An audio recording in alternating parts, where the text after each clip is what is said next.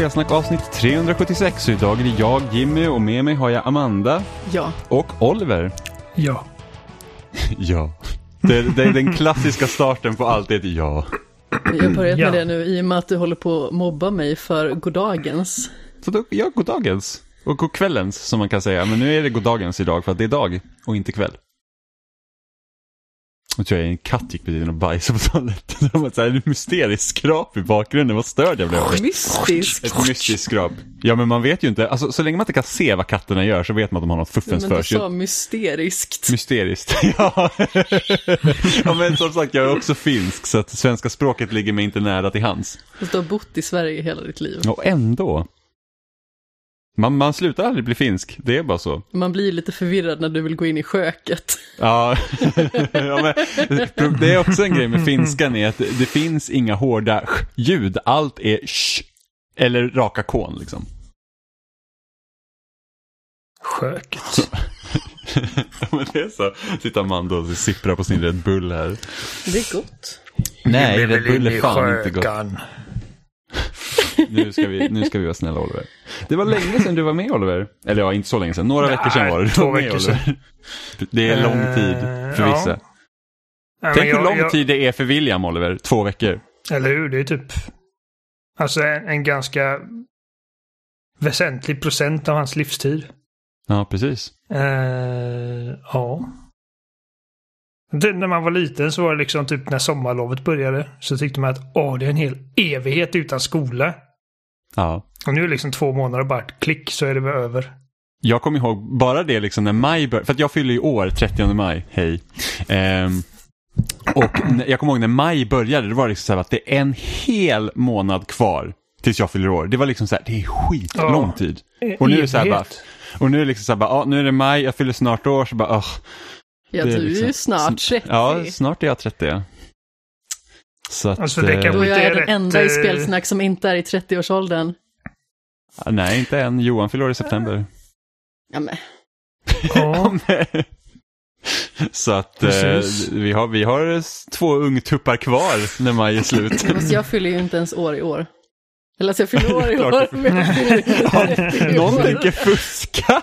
Det var, jag, tänker, jag tänker inte fylla år i år för då är jag hoppar över. 29 år nästa år också. Ja. Eh, det kanske det inte är rätt, intressant. eh, rätt forum för att fråga detta, men ska du, ska du ha någon fest när du fyller? Jag tänkte, I år? Nej. Ja. Nej. Nej. det kommer vi inte ha. Eftersom eh, ja, vi, vi, får, vi, vi har väl planerat någon gång att sen när liksom alla är vaccinerade och sånt så får vi fan ta en riktig ordentlig genomkör och fila En alla Rejäl 30-åringar. brakare, Ja. så att säga. Men nej, vi kommer inte ha någonting. Det är jättemånga i kretsen som fyller 30 i år. Vi har ju både du och Jenny och så Robin och Emma och så Ja, för- Johan. Johan. Så ni är ganska många. Vi pratade ju om att vi kanske skulle ha något litet galej eller någon tillställning i sommar. Men så Ja, men det, ska Emma och Robin också ha bebis och ja, nej, men det, får, det får bli sen. Ja, Helt enkelt. men jag ska fira dig hela veckan lång. ska fylla år i en vecka. Jag hinner bli så här 43 innan veckan är slut. Jag ska fira dig hela den veckan. Eh, Väntar du bara. Så det Du har kommer... inte sett något än. Nej, det har jag inte. Jag är lite Det besviken. låter lite läskigt faktiskt. Ja, jag blir så Bara, orolig. vänta bara. Jag ska, jag ska proppa mig full med granola så får jag bo på toan en vecka. Vänta bara.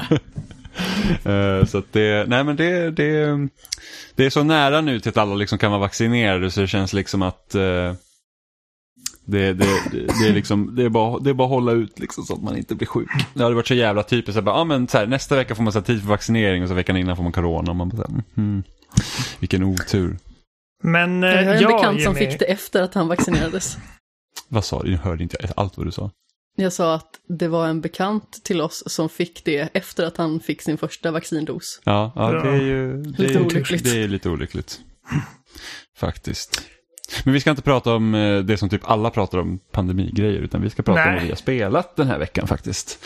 Eh, och eh, jag och Amanda tuffar ju på i vårt Ratchet Clank-tågande. Vi har äntrat eh, Playstation 3-spelen. Och vi det har, gjorde vi ju redan förra veckan. ja men knappt, vi hade typ eh, rört lite vid uh, Tools of Destruction. Och nu har vi faktiskt klarat ut Tools of Destruction. Vi har faktiskt klarat ut Tools of Destruction. Vilket jobbig ordföljd att säga.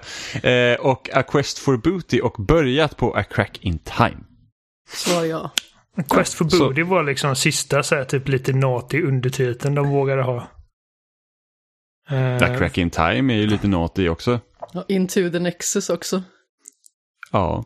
Om man så vill. Ah, ja, alltså Det inte på samma ju. sätt som typ eh, Up Your Arsenal och Nej, eh, det är Going lite mer Commando. uppenbart. Men alltså ärligt, och alltså, Size Matters. alltså sorgen när de undertitlarna inte fanns i Europa egentligen. Här Ja. heter det ju, här heter de Ratchet Clank 2 och Ratchet Clank 3. Jag har ju spelat Tools of Destruction. Jag vet att Amanda har det också. Du har inte det Jimmy. Eh, Förut. Nej, det här, Ehm, nej men jag har ju inte spelat, det enda Ratchet Clank jag har spelat innan vi drog igång det här var ju remaken och lite Ja. av ettan på PS2. Så Mm. att allt har ju varit liksom helt nytt för mig. Jag har ju spelat alla PS3-spelen och eh, det var, med, det var först med A Crack in Time som jag verkligen kände, liksom, som jag blev ett fan av den serien. De andra två var liksom, ja men det är trevliga liksom, typ, plattformare men mm, liksom, jag vibar inte helt och hållet med det. Men hur kommer det Ehm. sig då att, liksom så här, typ att du köpte Tools of, körde Tools of Destruction först? Ja, Ja, hur kommer det sig liksom, du köpte Tools of Destruction och så bara, ja det var ju helt okej och sen så bara, jo men vi köper Quest for Booty och A Crack in Time också.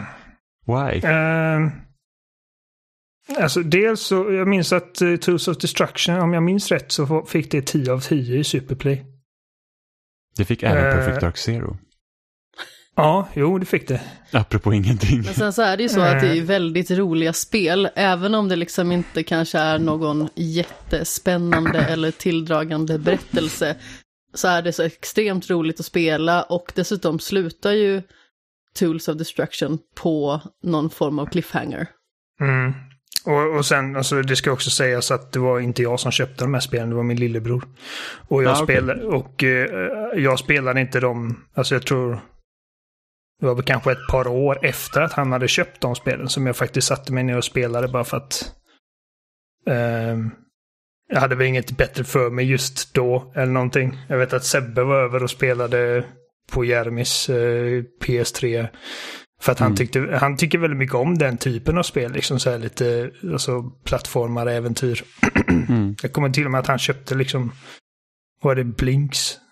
När han hade sin Xbox fastnat. Alltså jag har varit jävligt sugen på att köpa Blinks också på Xbox One bara för att liksom se vad det är för något. Jag kommer ihåg att när man såg den katten i speltidningarna, att det var så jävla ful.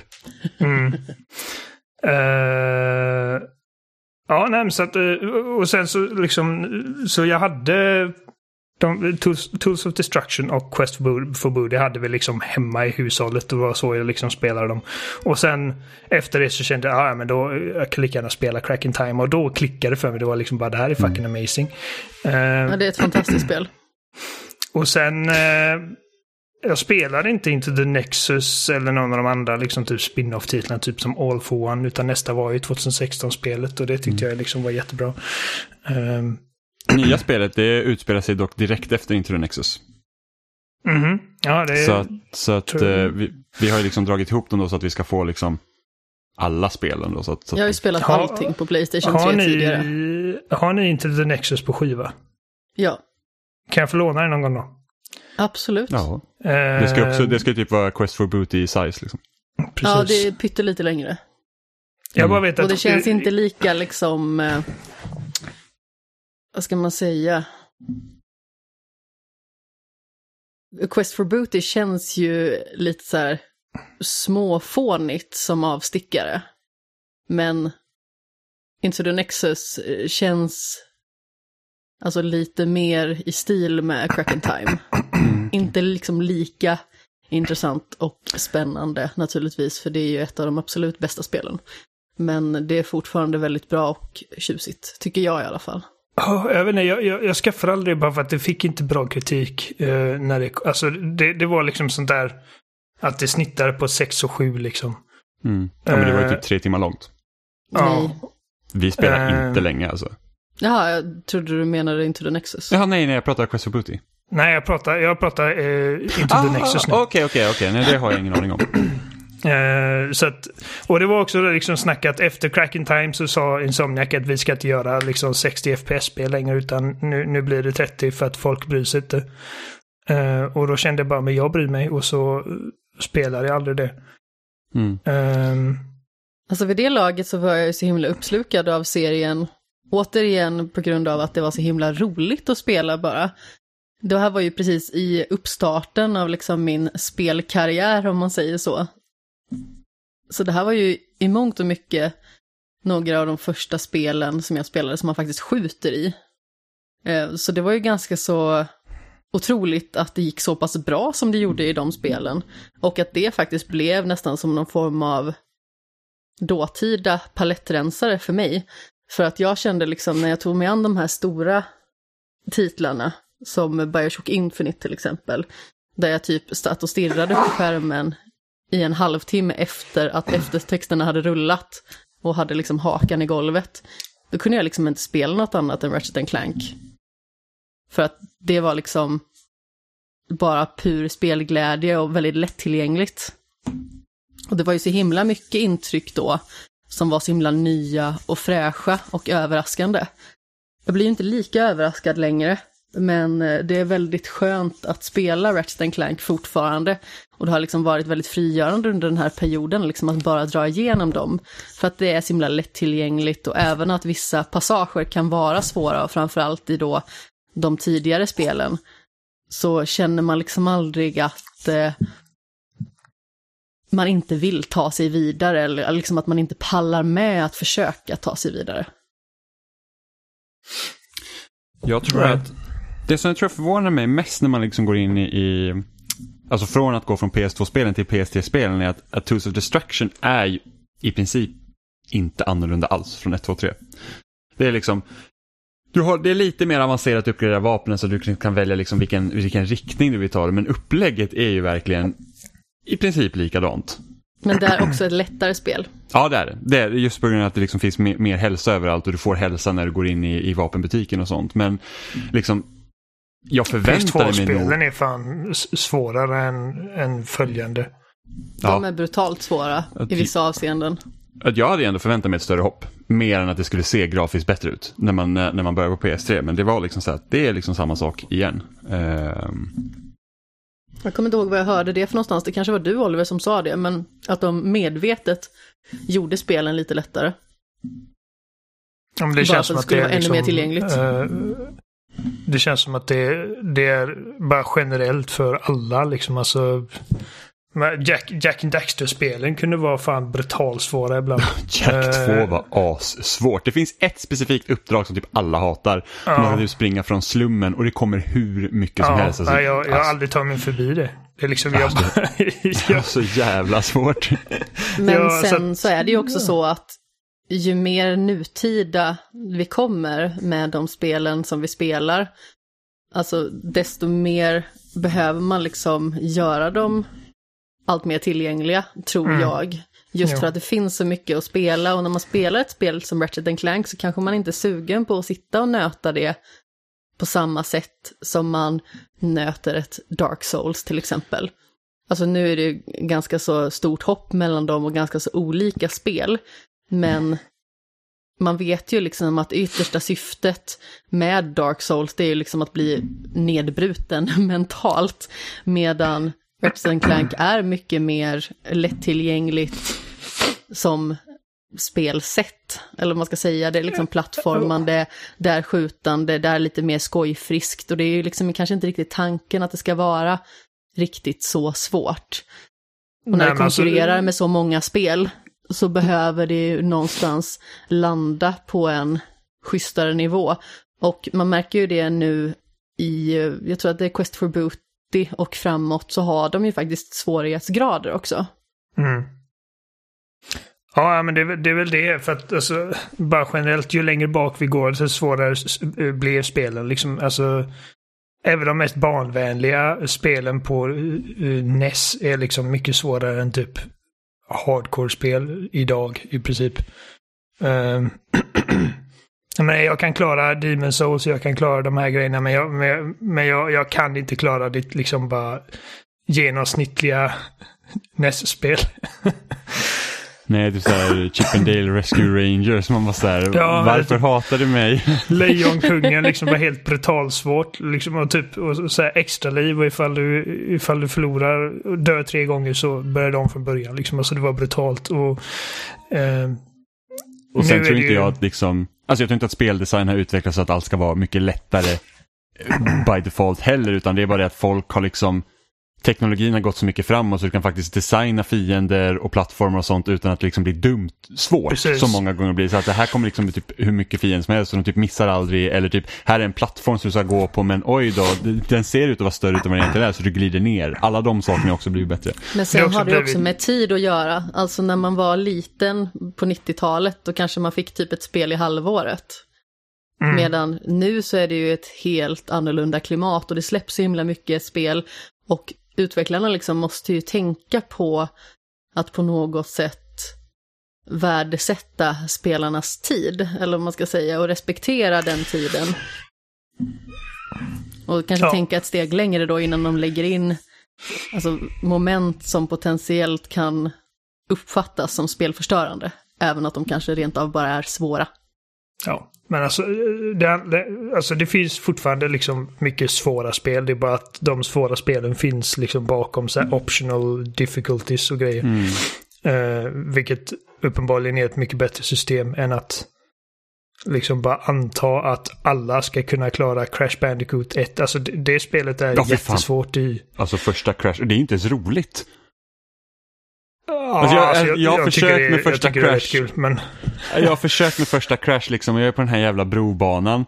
Ja, och även med, det här, ja, även med det här jäkla fusket att man kan springa upp på relingen på, liksom, som gör att man liksom inte behöver då tajma de här värdelösa hoppen, gör ju, det är ändå svårt. ja, men här- relingen är, den är inkonsekvent. Den är inte... Ja, och perspektivet är ju så konstigt så att man, liksom, det är ju så svårt djupseende så man ser ju inte riktigt vart man hoppar. Så att, ja. Och sen så har jag sett också att remaken, där har de gjort om någon sak så att det gör att det är liksom ännu svårare än vad det var i originalet. För att Crash, eh, hur han landar och agerar med objekt är inte samma. Så man bara så här, åh. Nej, nej, men för att, så, så att på den tiden när, när de här spelen gjordes var det liksom, alltså, det fanns en svårighetsgrad. Ifall du inte klarade det så var det ditt problem. Medan nu så tänker man mer på liksom att vad, vad kan vi göra för att se till att en så stor skara människor som möjligt kan klara de här grejerna. Är det liksom, om det i så fall är som olika svårighetsgrader eller om det är olika accessibility options eller om det är eh, eh, typ olika hjälp, eh, hjälpfunktioner som Nintendo kört med. Ehm, Mm. Men ja, alltså Ratchet till eh, PS2 är eh, de tre spelen. Nu har jag bara klarat tvåan så jag ska börja med trean sen så fort jag får en lucka här. Ehm, Men de är mer utmanande. De är inte jättesvåra men eh, de är mm, betydligt mer utmanande än någon av de liksom, moderna Ratchet-spelen. Ehm, Mm. Ja, men det gör ju liksom, jag vet att i både tvåan och trean, de svåraste partierna där, där måste man verkligen tänka på vilka vapen man använder när. Alltså Mm. det kändes verkligen att vid vissa tillfällen så behövde jag verkligen använda hela min arsenal för att liksom komma vidare. Och det Jag höll kände ju på att bli skallig i vissa partier. Alltså. Ja, och du körde dessutom på PS Vita vilket gjorde inte det en lättare liksom. Mm. Jäklar jag tror att vid ett tillfälle så fick jag faktiskt- fick jag faktiskt liksom backa tillbaka och gå tillbaka till någon av de här typ arenautmaningarna eller eh, rymdskeppsdelarna för att tjäna mer bolt så jag kanske liksom köpa något nytt vapen eller ny armor. Mm. Eh, Ja, jag, jag gjorde ju allt i princip på en gång när jag var där för att jag har ju tagit Platinum 1, 2, 3. Så att eh, mm. jag gjorde allting på en gång. Men det det, är det är orimligt. alltså, när man alltså. köpte en ny armor som gjorde liksom att åh, 66% av skadan eh, mitigatas, då blir det betydligt mer hanterbart. Ja, fast samtidigt många gånger när jag liksom hade råd att köpa den bästa armorn så kom man till en ny planet så kände jag ändå att jag åkte på så jävla mycket stryk. Ja, men jag hade ju Snömännen. den starkaste rustningen, kom till ett ställe, fick två skott i nyllet, dog. Ja, Den starkaste rustningen kostar fan en miljon bolts.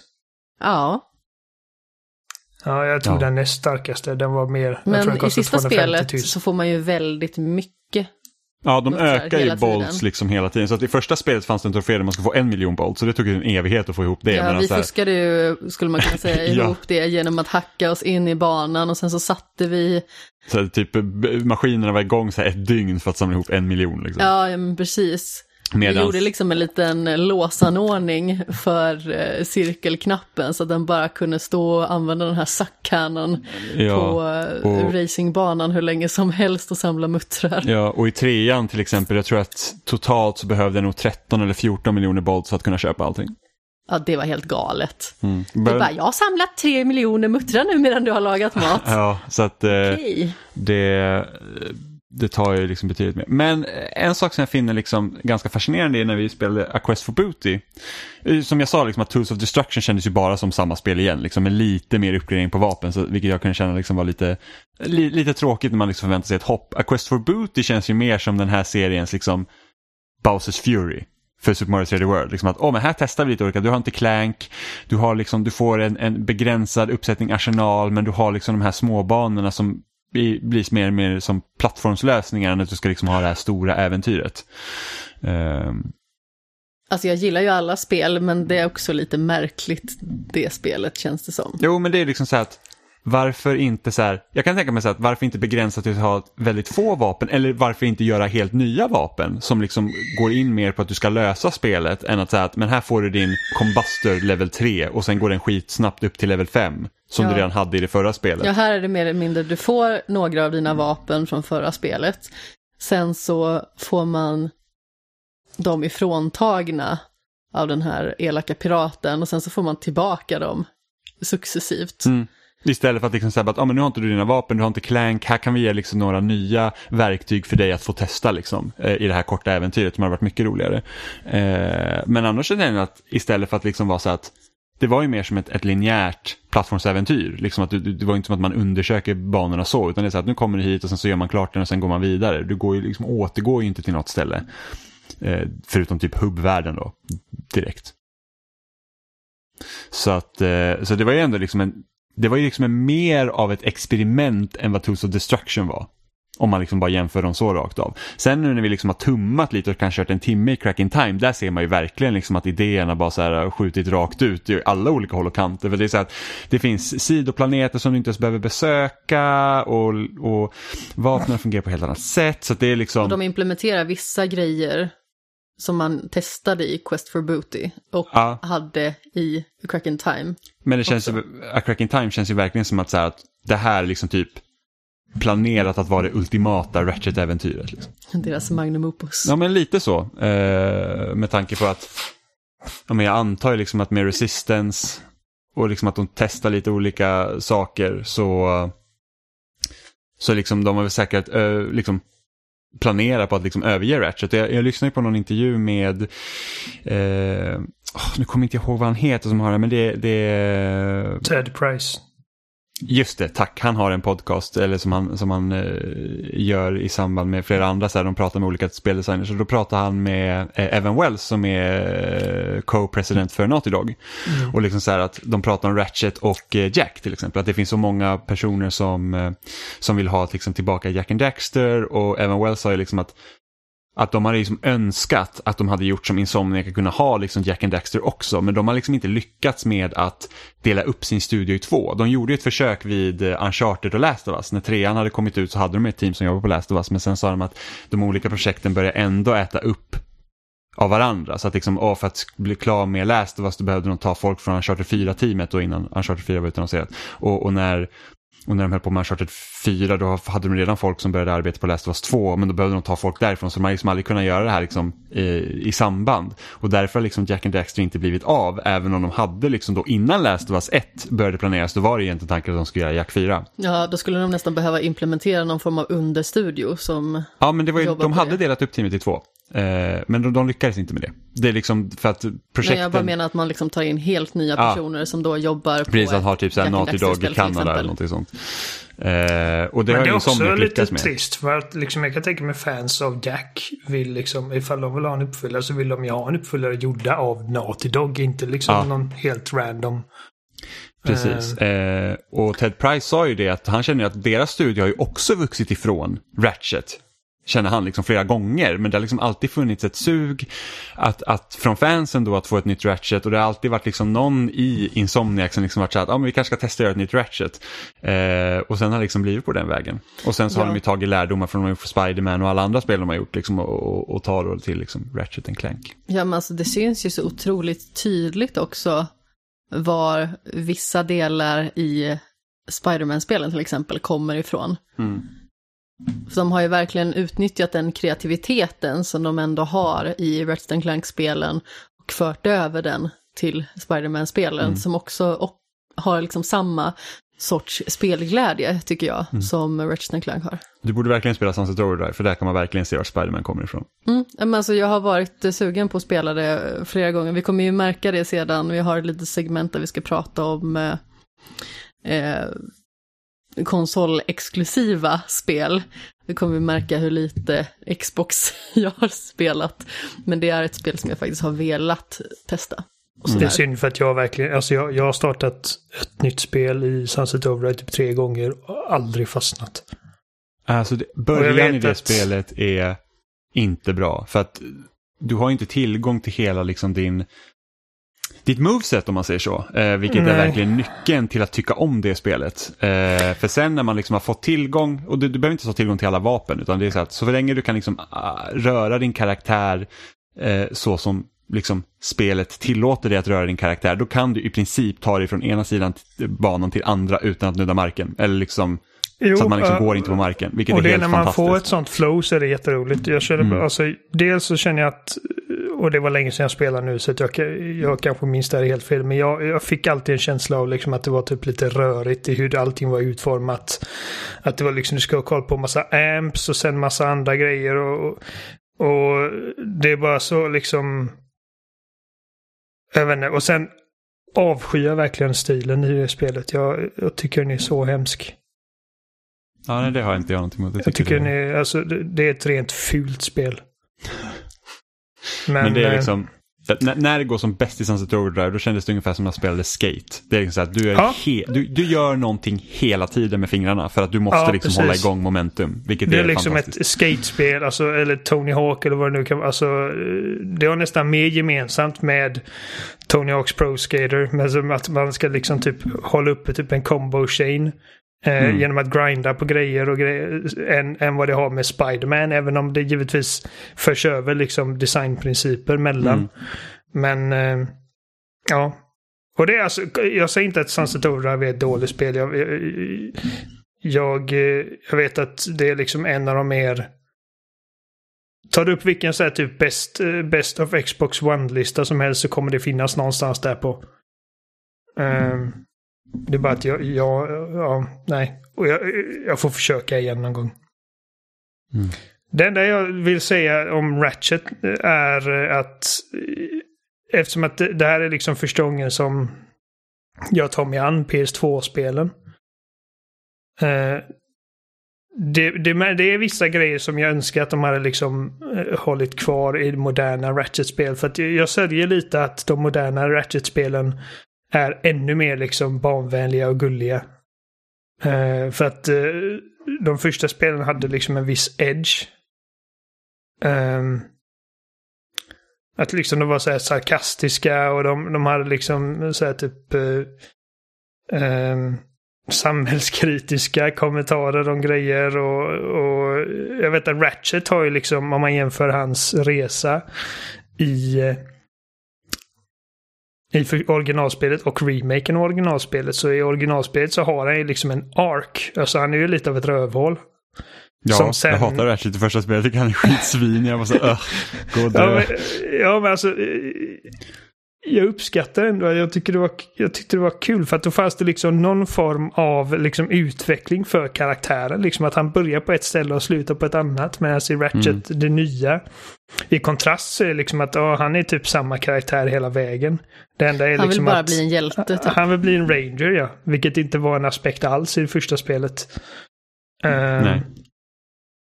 Så att... eh, och jag vet inte för att jag har liksom sett att fans av originaltrilogin inte är jätteförtjusta i remaken. Och eftersom att jag inte hade spelat dem så tyckte jag att remaken är jättebra. För att det är, det är snyggt som fan. Det spelas som en dröm. Även om det är 30 bilder i sekunden givetvis. Men, och det är bara liksom, det är kul att spela. Uh, men jag förstår ändå lite grann nu liksom vad det är de kommer ifrån. Liksom att det här är typ...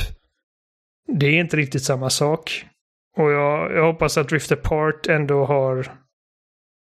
Att det inte bara känns som en så här Saturday morning cartoon liksom. Att det, att det finns lite meat på benen. Mm. Meat, kött på benen heter det givetvis. Ehm, Alltså, jag älskar ju verkligen remaken. mm. Men jag hade ju inte heller spelat det första spelet innan. Nej, inte jag Och heller. problemet var ju också det med första spelet när jag väl spelade, att jag spelade på vita. Och där var det ju väldigt knöligt i många partier att ens ta sig fram just på grund av att styrningen är extremt opolitlig. Och jag vet att Jimmy hade också lite problem Ja, med gud det. ja. Alltså det var så här att när jag, vi skulle liksom racea, alltså du fick tajma dina hopp helt annorlunda på vita än vad du gjorde på PS3. För det var så att jag måste trycka typ en halv sekund tidigare för att jag ska kunna få Hur hoppet kommer där jag det sig? Alltså, streamar ni till PS Vitan eller? Nej, nej, men bilduppdateringen är så pass mycket sämre. Nej, så jag Jaha. spelar ju via kassett på vitan. Det, är liksom, det går i 60 på PS3 och det går liksom kanske mellan typ 15 och 30 på PS Vita. Vilket gör att när det händer väldigt dåligt. mycket så är det liksom så här att nu hoppar jag och sen så bara en, två, hopp. Man bara, Han tycker ju att en PS Vita ska väl klara av ett PS2-spel för fan. Ja, men sen så är det ju så här också att eh, det är extra svårt med djupseendet i de första tre spelen, i synnerhet på vitan. Och det första är ju horribelt. Ibland så blir man så hårt straffad av första spelet bara genom att försöka ta sig igenom vissa typer av plattformssegment som inte ens är svåra. Det är liksom väldigt basala grejer man ska göra. Så det är väldigt frustrerande. Men alltså jag har ju vandrat tillbaka, eller fram och tillbaka rättare sagt, mellan, alltså vilket jag älskar mest av remaken och eh, Crack in Time. Så vi ska se nu när jag faktiskt är klar med A Crack in Time för andra gången, vad jag känner då. För jag var så himla exalterad över remaken för att det som jag uppskattar med den så himla mycket, som inte första spelet har, alltså nu när jag har testat det eller spelat igenom det, det är att det är mycket mer kompakt, det är en mycket mer kärnfull upplevelse och det är det jag också har känt att det har varit i relation till eh, de tidigare spelen på Playstation 3. Att det känns liksom, jag vet inte, mycket mer kärnfullt i alla dess beståndsdelar och att de delarna man gjorde med Clank till exempel också var roligare. Det kändes inte som att Clank bara var en bikaraktär. Och nu när vi spelar om det så uppfattar jag inte det lika mycket så. Men jag tror att det var så jag uppfattade det när jag spelade de första gångerna, liksom att det kändes som att ja, vi behöver någonting att göra som inte är att spela som Ratchet, så vi slänger in Clank som bara har tråkiga segment med liksom märkliga funktioner. Men det har blivit mycket bättre. Mm.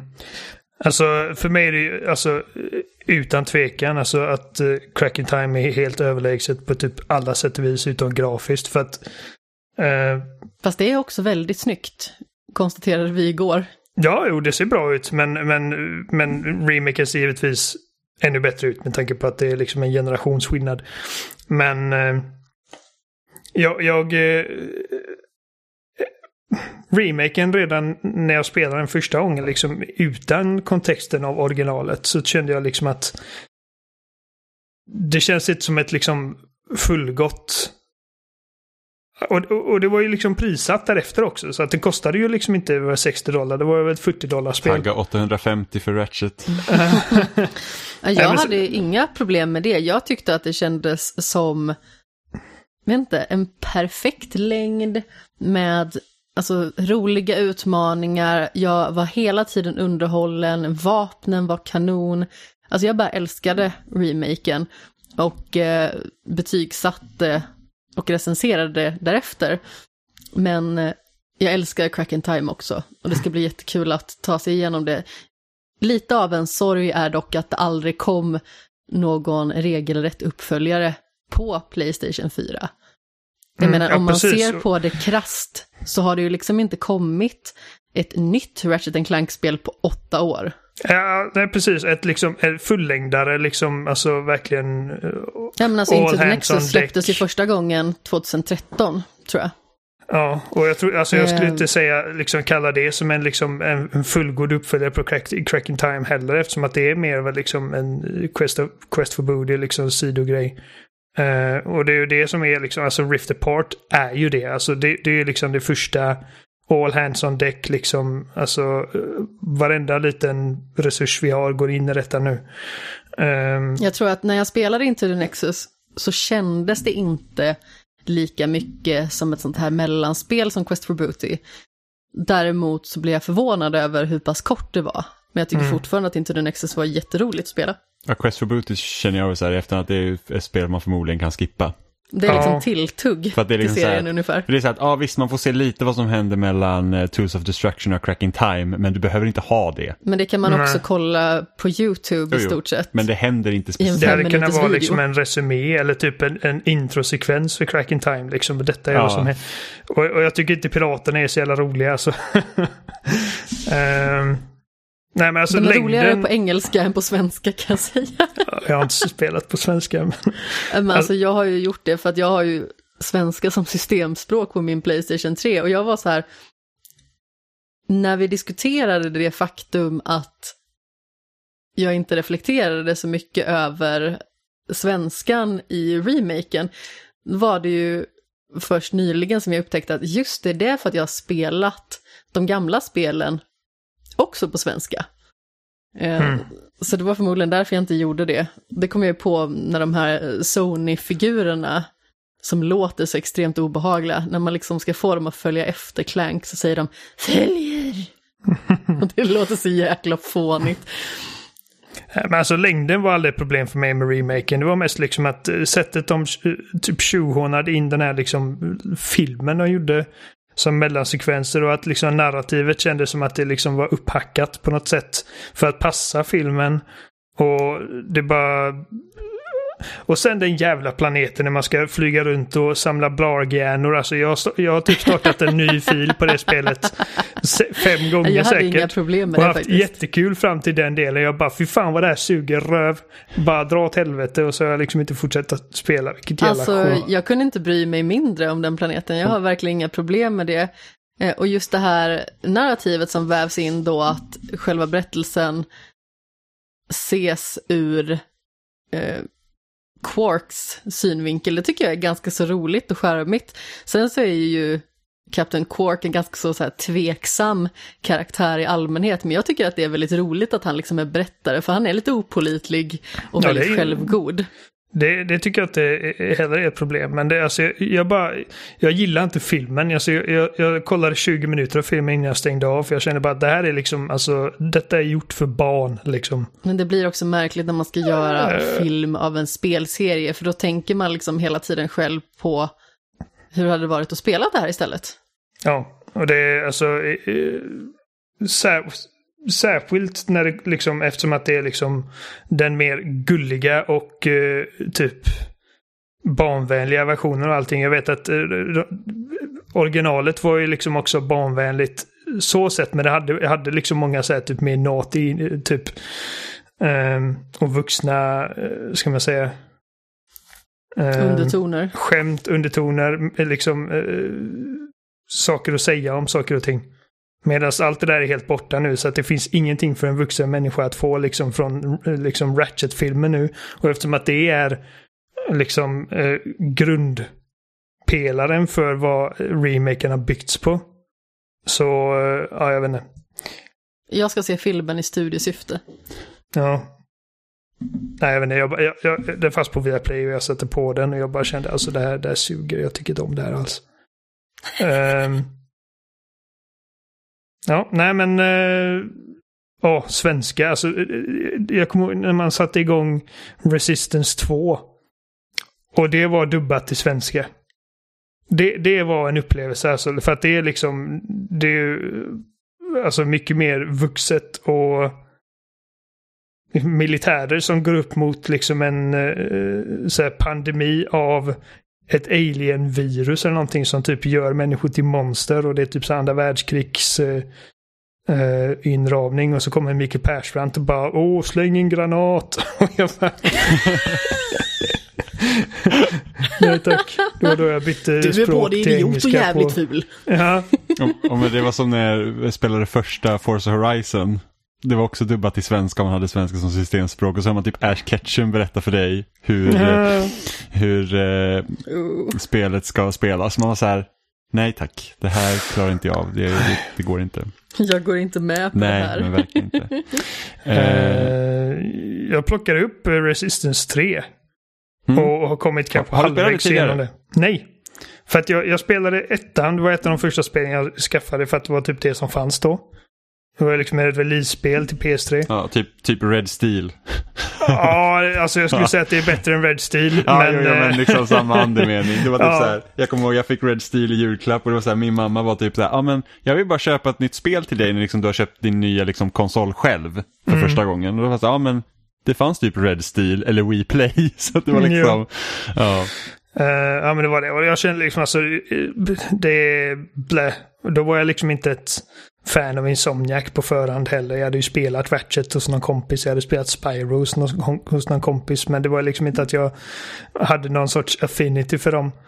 Um, och eh, alltså det spelet ledde på att man kunde köra, köra liksom kampanjen i co-op. Så jag och brorsan gjorde det och det var liksom så här småkul men det var ingenting jag tänkte på. Och sen kom tvåan. Och det fick...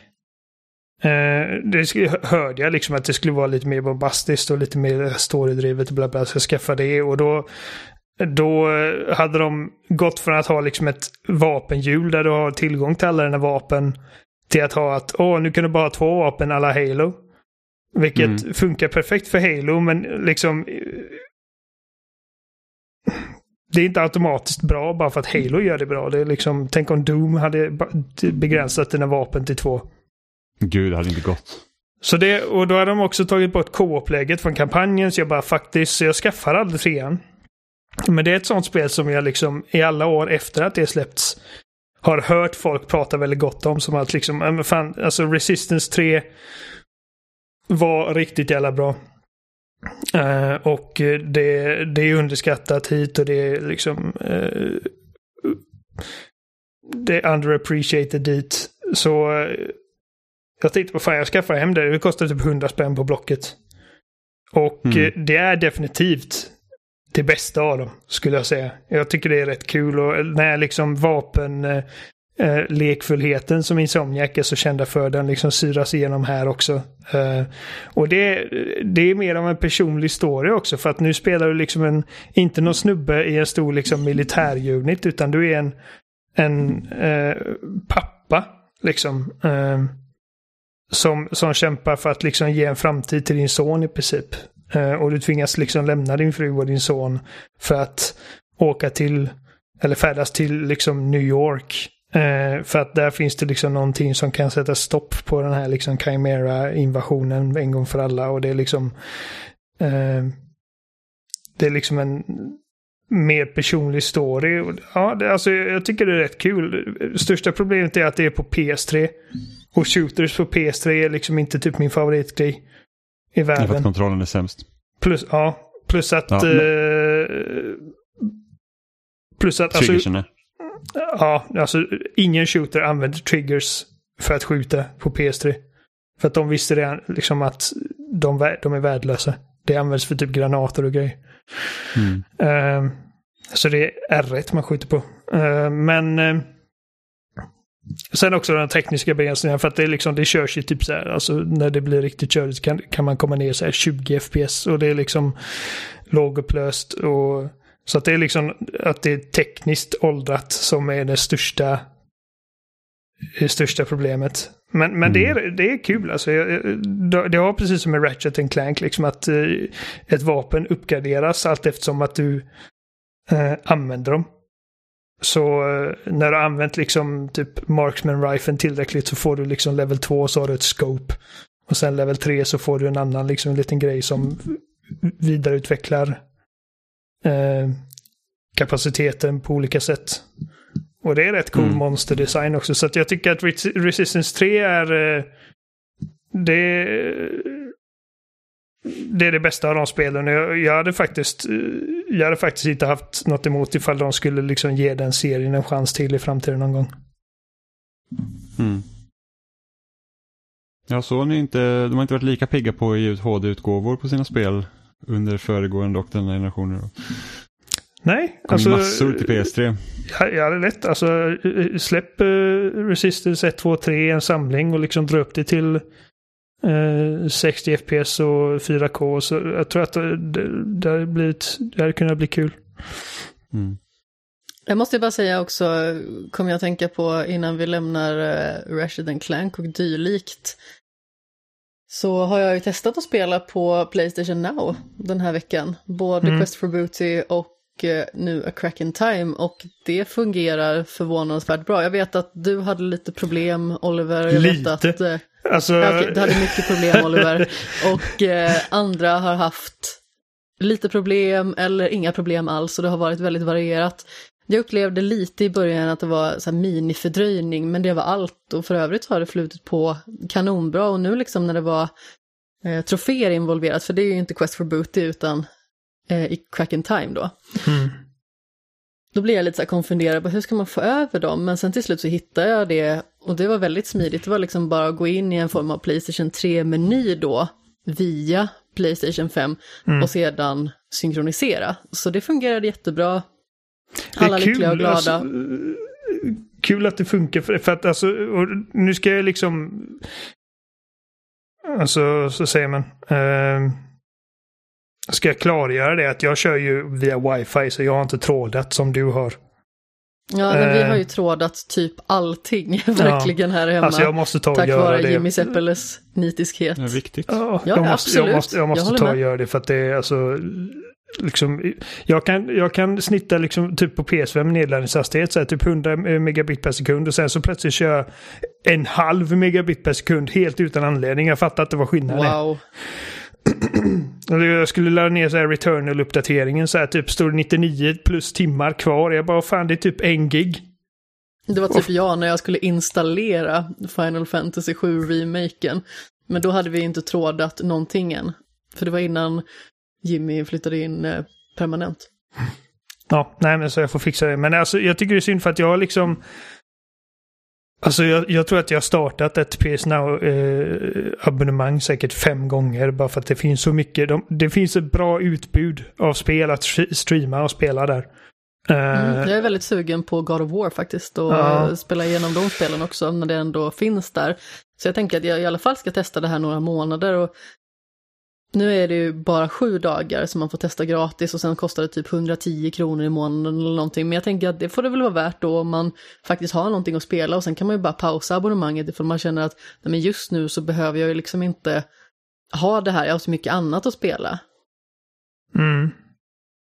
Men det är alltså som sagt, jag, det har liksom under, under de senaste åren där jag inte haft liksom min PS3 hemma.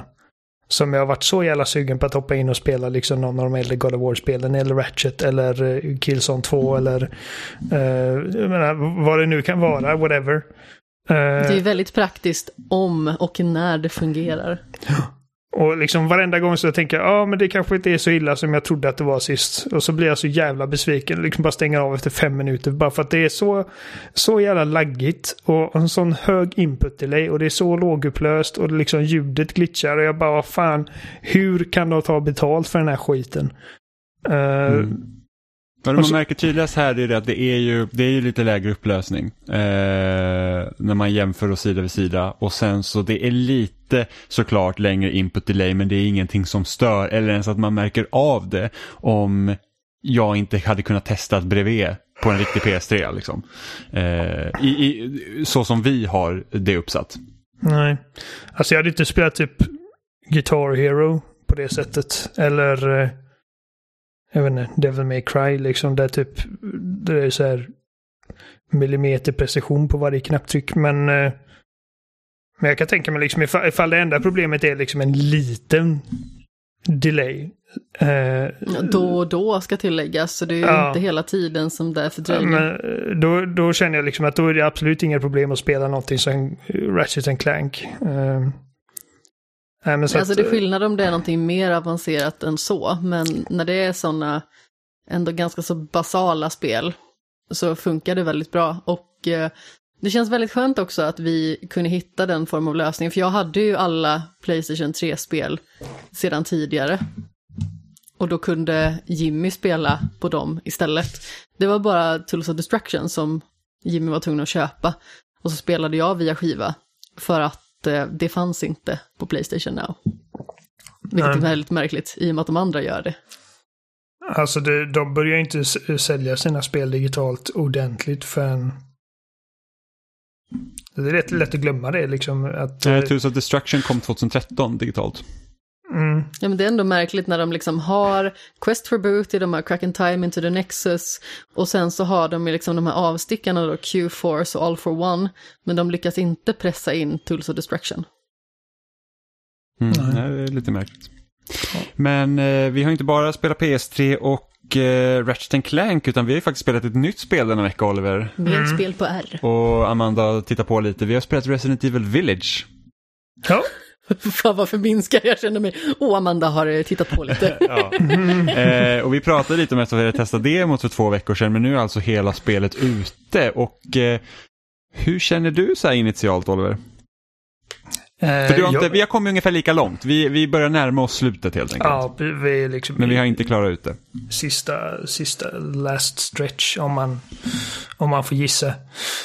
Ehm, vad jag känner, eh, alltså i mångt och mycket, alltså bara det simpla svaret på det är att jag är nöjd. Det är liksom vad jag, eh, vad jag behövde nu och det är ungefär det jag hade liksom förväntat mig och hoppats på med det här spelet. Det, är, det är alltså precis som precis som vi har sagt hundra gånger, liksom att om, om sjuan var liksom eh, en modern tolkning av ettan så är detta en modern tolkning av fyran. Eh, för att det är liksom mycket av designtänket liksom återvänder. Eh, det har till och med liksom en inledande sån här liksom bara onslaught av fiender där, där, där du inte har något egentligt objektiv utan det är bara överlev. Liksom. För att det är precis som när man kommer till byn och motorsågskillen kommer första gången. Du har liksom ingenstans som du ska gå utan det är bara att du ska överleva. Och överlever du tillräckligt länge så liksom händer det någonting och alla lämnar dig i fred och liksom ja, det, ja, det, alltså det är verkligen så här. Det finns så många noddar till till fyran. Och eftersom att fyran är liksom min, ett av mina absoluta favoritspel så, så det kliar mig under hakan ganska ofta. Ehm, Mm. Jag trodde att... Jag tycker inte generellt att det är lika läskigt som sjuan, precis som jag förväntade mig. Men det, det överraskar mig ett par. Jag tycker inte alls att det är läskigt. Jag tror det är mitt största problem med spelet, att jag jag är inte ett dugg rädd. Alltså, jag spelade tio minuter av sjuan och höll på att bajsa snett. Och var så himla livrädd så jag stängde av i ren panik. Här har jag ju faktiskt kunnat kolla på majoriteten av spelet utan att vara nämnvärt rädd faktiskt. Mm.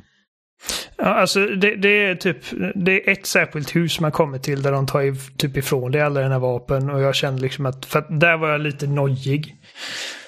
Mm. Här lite nojig.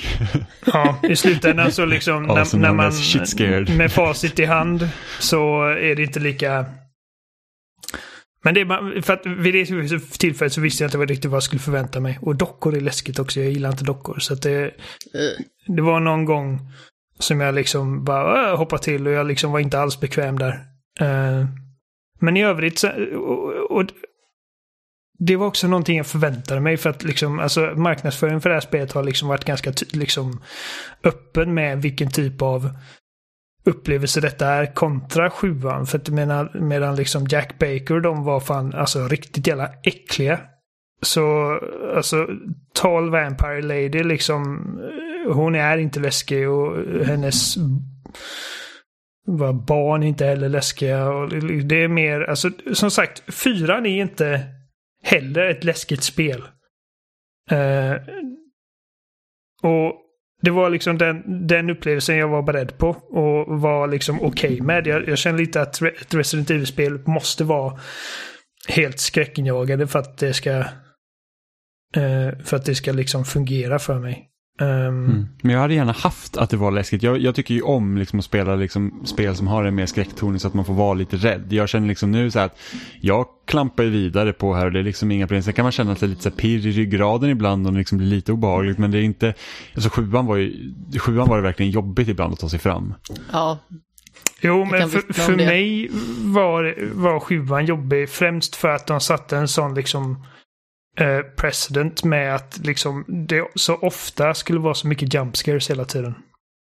Liksom att det ofta var liksom att oh, du går in i ett rum och helt plötsligt så är Jack liksom i ansiktet på dig. Eller Uh, Mia liksom hoppar på dig och, liksom, och kommer rätt upp i ansiktet på dig. Eller att man öppnar dörren dörr så står Marguerite där och skriker i ansiktet. Och liksom, det är den typen av så här, skräck som jag känner inte är jätte... Uh, Alltså det, det känns lite billigt i, i, i vissa avseenden. Och jag uppskattar att de inte kör lika stenhårt på att liksom bara slänga massa skit i ansiktet på dig när du inte är beredd. Sen Ehm, hade jag, för att spelet har ju en ganska intressant uppdelning så, för att, för att jag känner att sjuan var ju mycket så att du undersökte Bakerhuset och liksom, det kändes ganska logisk progression liksom att ta sig igenom de olika delarna som fanns liksom på den här gården egentligen. Eh, fyran är ju mycket mer uppstyckad där, så det, det har Mm. liksom ett helt annat tempo med att det finns, som, du har ju byn som i princip är en hubb och sen så finns det grenar ut därifrån, så det gör ju liksom att varje del i spelet liksom alltså är isolerad. Eh, så att jag, jag tycker liksom som, som, som ett actionspel i första person så tycker jag att det är helt okej. Eh, jag, jag är väl kanske inte riktigt vän med hur det känns att hantera vapnen och speciellt inte i början. Alltså ouppgraderade vapen, då var det verkligen så att det här känns fan risigt som fan. Eh, sen när man liksom får lite bättre vapen och sånt så, så liksom, då, då funkar det. Då är det, då är det liksom inga problem. Eh, men, men liksom just det här att det jag gillar med Resident Evil 8 och det de har gjort liksom när man, man flyttar spelet till första person och även då re, alltså tvåan som remake då, det är det att fienderna är ju egentligen inte riktigt det som ska lösas som i typ ett Call of Duty, det är så att här har du en bana och du ska döda allt du ser. Utan det handlar mer om att lösa banorna och fienderna är där. Eh, liksom hitta hur du ska komma fram, hitta de olika nycklarna så att det passar in här och där. Eh, och sen liksom helt enkelt bara liksom kunna klara området. Och det gillar jag väldigt mycket för att den typen av spel är inte så vanligt. mm. Något av det roligaste måste ändå ha varit under gårdagen när Jimmy, väldigt viktig, då skulle förklara hur oläskigt spelet var och bara Ja, nej jag tycker ju inte att det här spelet är så läskigt. Ja, Men då kom ju Big Vampire Lady precis in genom dörren när jag skulle gå ut. Ja men precis, du tog tag i handtaget och då kliver hon in simultant. Ja, det var så jäkla roligt för det var så här. Ja, hej jag heter Jimmy, jag är inte rädd för tv-spel. Och det är så subjektivt det här för att alltså, jag vet att eh, alltså vår kompis Adam, han är liksom alltså den fegaste jäveln. Nej, det är Eh, jag. Ja, ja, ja, alltså jag tänker inte, jag försöker inte rangordna vem som är fegast. Men han, alltså han är riktigt jävla rädd. Fight, fight, fight. eh, I eh, liksom, just när det kommer till tv-spel. I, I skräckfilmer och sånt så, så blir han inte påverkad alls. Men spel blir han som en liten liksom treårig flicka. Du har ju sett mig se på skräckfilm. Ja, men det är kul. Du, du, är, du, är mer, du är mer konsekvent för att du tycker både film och, och, och spel är läskigt. Han, han, han tycker bara spel är läskigt. Och han har Jag lyckats... skriker väldigt högt när jag blir rädd. Ja. Och han har lyckats eh, spela detta utan större problem. Medan eh, tvåan exempelvis, han slutade när Mr X kom och sen så fortsatte inte han spela förrän jag hälsade på honom. Um, var det förra året. Och liksom i princip hjälpte han förbi Mr X så han kunde fortsätta. Ehm, men sen ser jag på, typ på Twitter liksom folk som bara fy fan, det, alltså Resident Evil 8 det, det är för mycket för mig. Liksom, det typ, åh, jag kom till det här, liksom, den här delen och jag bara fick stänga av. Bara nej, det är för mycket för mig. Så att det är liksom väldigt olika hur man... Ja men så är det ju, Ja. definitivt. ehm, Men liksom i sjuan tyckte jag ändå att i alla fall när man spelade första gången så kände man ändå att vad- ammo och sånt var väldigt skralt och här, här har man alltid saker man behöver. Ja, det, det, det är väldigt sällan som du är liksom helt handfallen. Ehm, Här kan man ju införskaffa det också väl? du kan ja, köpa ammo. Ja, du kan köpa Eh, ammo, ja, precis. Och du kan crafta ammo. Och du hittar ammo. Men, och där är en grej jag undrar över också, Oliver, för du var ju väldigt peppad på att det ska finnas det här inventory management från fyran. Där att man liksom köper större väskor och man Mm. får placera ut sina vapen och sånt. Liksom personligen så känner jag att det systemet är väldigt underutvecklat i det här spelet för att jag har inte känt att det har haft platsbrist överhuvudtaget. Nej, jag har typ hälften av utrymmet helt ledigt hela tiden ungefär. Ja, så att det är liksom, och i Eh. fyran behövde man verkligen pussla. Oftast. Ja, men nu har jag liksom köpt eh, de större utrymmena så fort de har blivit tillgängliga. Om jag inte hade Jag gjort med. det så hade det förmodligen varit en annan eh, visa. Men, ja, men alltså spelet är ganska generöst med liksom utrymme och res resurser. Ehm, så att, ja. Det skulle bli intressant sen när, när, jag, när jag startade på liksom de svåraste svårighetsgraderna för att se liksom hur det ändras. Men Mm. eh, eh, på standard, jag kör inte på den lättaste, jag kör på standard. Mm, Eh, samma här. Och eh, jag har liksom inte stött på några problem överhuvudtaget egentligen. Ehm, Men alltså... Jag är ändå nöjd. Alltså, jag, jag gillar, alltså jag tycker att rent grafiskt och inte bara på ett tekniskt plan för att RE Engine är jävligt bra. Och det flyter på extremt jävla bra.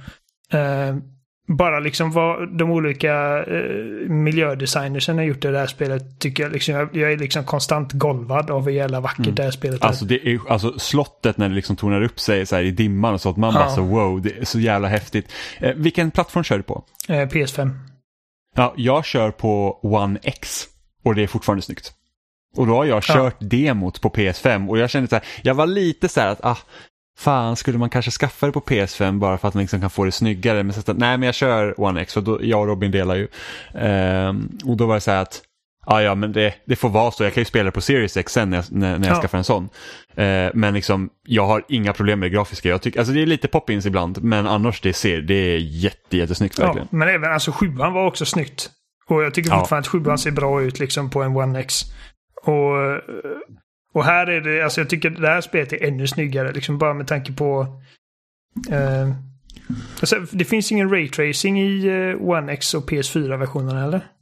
Nej, Nej, de konsolerna stödjer inte det. Och det ni missar egentligen ingenting för jag, liksom, jag har testat både med raytracing och utan och det är liksom de reflektioner som finns är ändå så pass lågupplösta. Jag vet typ när man sätter sig i bilen ganska tidigt i spelet, du vet och mm. kör ut genom ladan eller vad det är.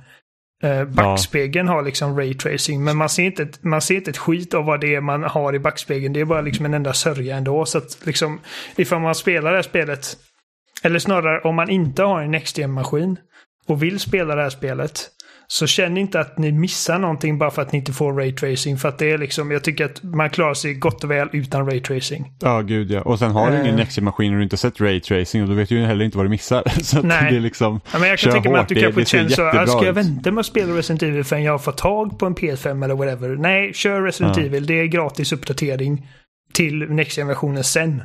Om det skulle vara så. Ja, ja men även så, hittar du PS4-versionen billigt och du har en PS5 så köp PS4-versionen för då kan du ändå uppgradera till PS5. Ja, precis. så att det, det, liksom, det, det, det, går bra att göra så. Eh... Uh, och det är alltså även alltså, liksom typ variationen i miljöerna i det här spelet. Uh, mm. För att du har liksom den här typ byn och allting är, alltså oavsett om det handlar om uh, en liksom sunkig bakgård med en trasig lada i, i byn. Eller om vi är liksom i den stora liksom typ uh, foajén där inne i slottet. Eller i det här huset fullt med dockor eller vid sjön. Alltså oavsett var man befinner sig så är det alltid så löjligt jävla detaljerat. Och liksom nästan alltså fotorealistiskt i vissa, i vissa situationer. Mm. Uh, Alltså grymt jävla vackert spel. Alltså, mm. Men, men alltså jag tänker även när du nämnde liksom variationen i miljöerna. Jag tycker ändå spelmässigt är det varierat. För att varje område har liksom sin egen grej. Så det känns inte som att ja. man gör samma sak. För jag var ju orolig för det när jag kände så att okej, okay, striderna känns inte riktigt spot on här i början. Och om det här ska liksom vara typ Resident Evil 4 då, att det bara liksom blir mer och mer då vet ju inte jag liksom hur jag kommer känna när spelet är klart. Men liksom det, hittills har det liksom varit att varje nytt område får jag göra någonting annat. Så att det är hmm. liksom inte, det är inte bara att de slänger på dig bara mer fiender för att du kommer längre fram i spelet. Utan liksom, de har olika spelmoment för de olika områdena. Precis. Så det, det är mycket bättre variation både i miljöer och liksom fiender än vad det var i sjuan. Och sjuan funkar liksom för vad det var. Men eh, mm. här så, typ, alltså du har liksom inte samma molded fiende genom hela spelet exempelvis.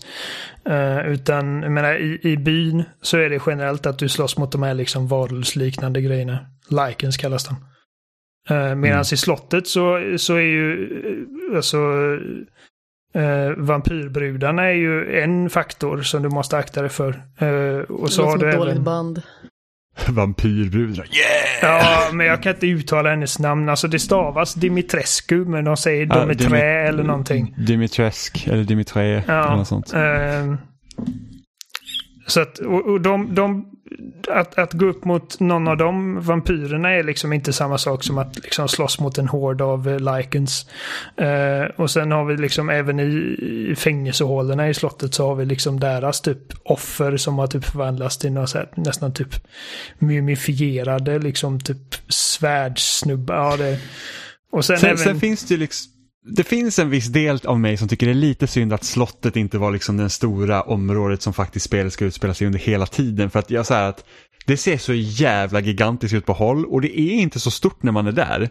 Nej. Men jag känner liksom att det hade varit så jäkla häftigt så här och bara utforska varenda skrymsel och hitta massa olika lönngångar. Så till den grad att jag vet att Bluepoint har ju någon till typ remake i görningen ryktas det om. Och jag vet att vissa säger så Metal Gear Solid och vissa pratar om eh, Castlevania Symphony of the Night. Och det har varit skithäftigt att de har gjort ett, ett, ett en, en, en fullskalig remake av Castlevania Symphony of the Night med, liksom i 3D. Med ett stort jävla slott att utforska. Det har varit skithäftigt. Mm. För att det är liksom det här stora liksom Castle Dimitresk ser liksom ut som ett typ, alltså det hade lika bra kunnat vara liksom slottet från Castlevania. Det är liksom så gigantiskt. Ja, men, ja, jag förstår vad du menar, men samtidigt så kände jag liksom att när jag var klar med slottet och eh, Dimitresk och de här så kände jag bara oj. Ja, ja men absolut. Jag är helt med på det också. Eh, Jag är helt det finns med mer på det också. liksom. För att Ja. eh, i marknadsföring så har det liksom varit lite som att okej, du kommer vara i den här byn och du kommer vara i slottet. Och Jag trodde till och med liksom att allt skulle leda upp till slottet. Att det liksom Ja, slottet är liksom, där kommer finalen vara. Och, och, det är inte så. Alltså det, det, slottet är liksom den första, så här, typ, alltså, ska man säga, externa banan liksom som inte är Village. För byn i spelet är som, som du sa, liksom någon form av hubb eh, Mm. Som du kommer kunna utforska lite grann första gången är där. Sen när du återvänder där efter slottet så har du mer grejer som gör att du kan låsa upp nya dörrar och hitta nya Mm. grejer. Och det tycker Ja, jag... och det är ju kul att, att, att liksom grejer man hittar i tidiga områden förs vidare. Att de liksom använder inte bara där utan du använder dem senare också. Ja, och, och det är en sån grej som jag älskar med det, med det här spelet som även eh, liksom till viss del fanns i Resident Evil 4. Eh, men inte i 7 var liksom att du det finns så mycket liksom olika sorters resurser att hitta. Liksom att du har de här skatterna du kan hitta som du sen kan sälja. Och att det finns vissa skatter som du hittar i delar som du sen ska kombinera. För att göra dem ännu mer värda, vilket gör att du får mer pengar som du sen kan använda för att uppgradera din firepower, din rate of fire, din ammo capacity och sådana grejer, precis som i fyran. Eh, och sen grejer jag saknade med sjuan, liksom att eh, vapenuppgraderingar och sånt var väldigt, liksom, eh, det var väldigt simplifierat där. Du hittade typ en eh, eh, Ja, alltså typ en upgrade pack eller någonting och så satte du den på ett vapen. Och så blev den lite bättre plötsligt. Eh, eller det kanske till och med var så att man inte uppgraderar vapen. Du... Nej, just det. Du hittade typ en, ett nytt vapen som var trasigt. Och sen när du hittade en repair kit så kunde du eh, reparera den och då var den Mm. typ lite bättre.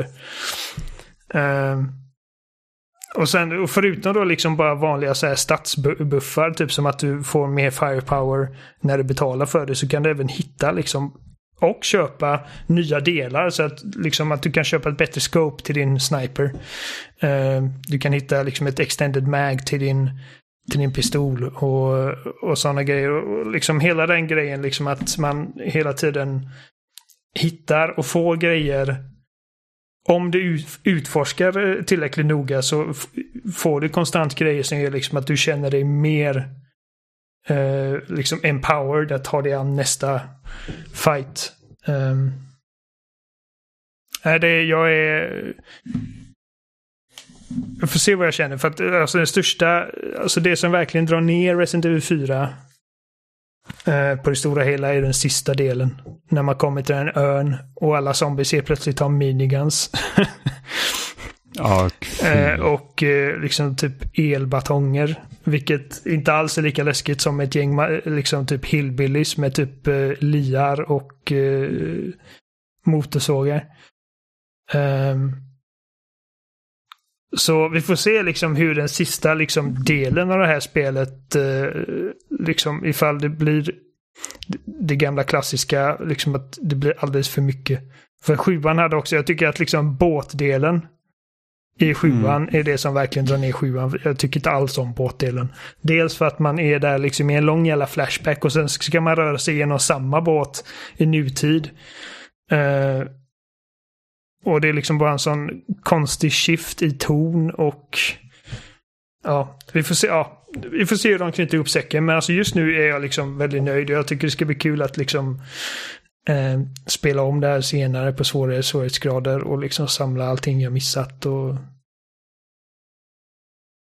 Ja. Jag tror det enda jag hade önskat det var liksom att, att eh, då de här fyra lords då som finns i spelet och de har fått med eh, utrymme. Ja. Alltså de, de påminner lite om eh, Baker-familjen liksom på en större skala.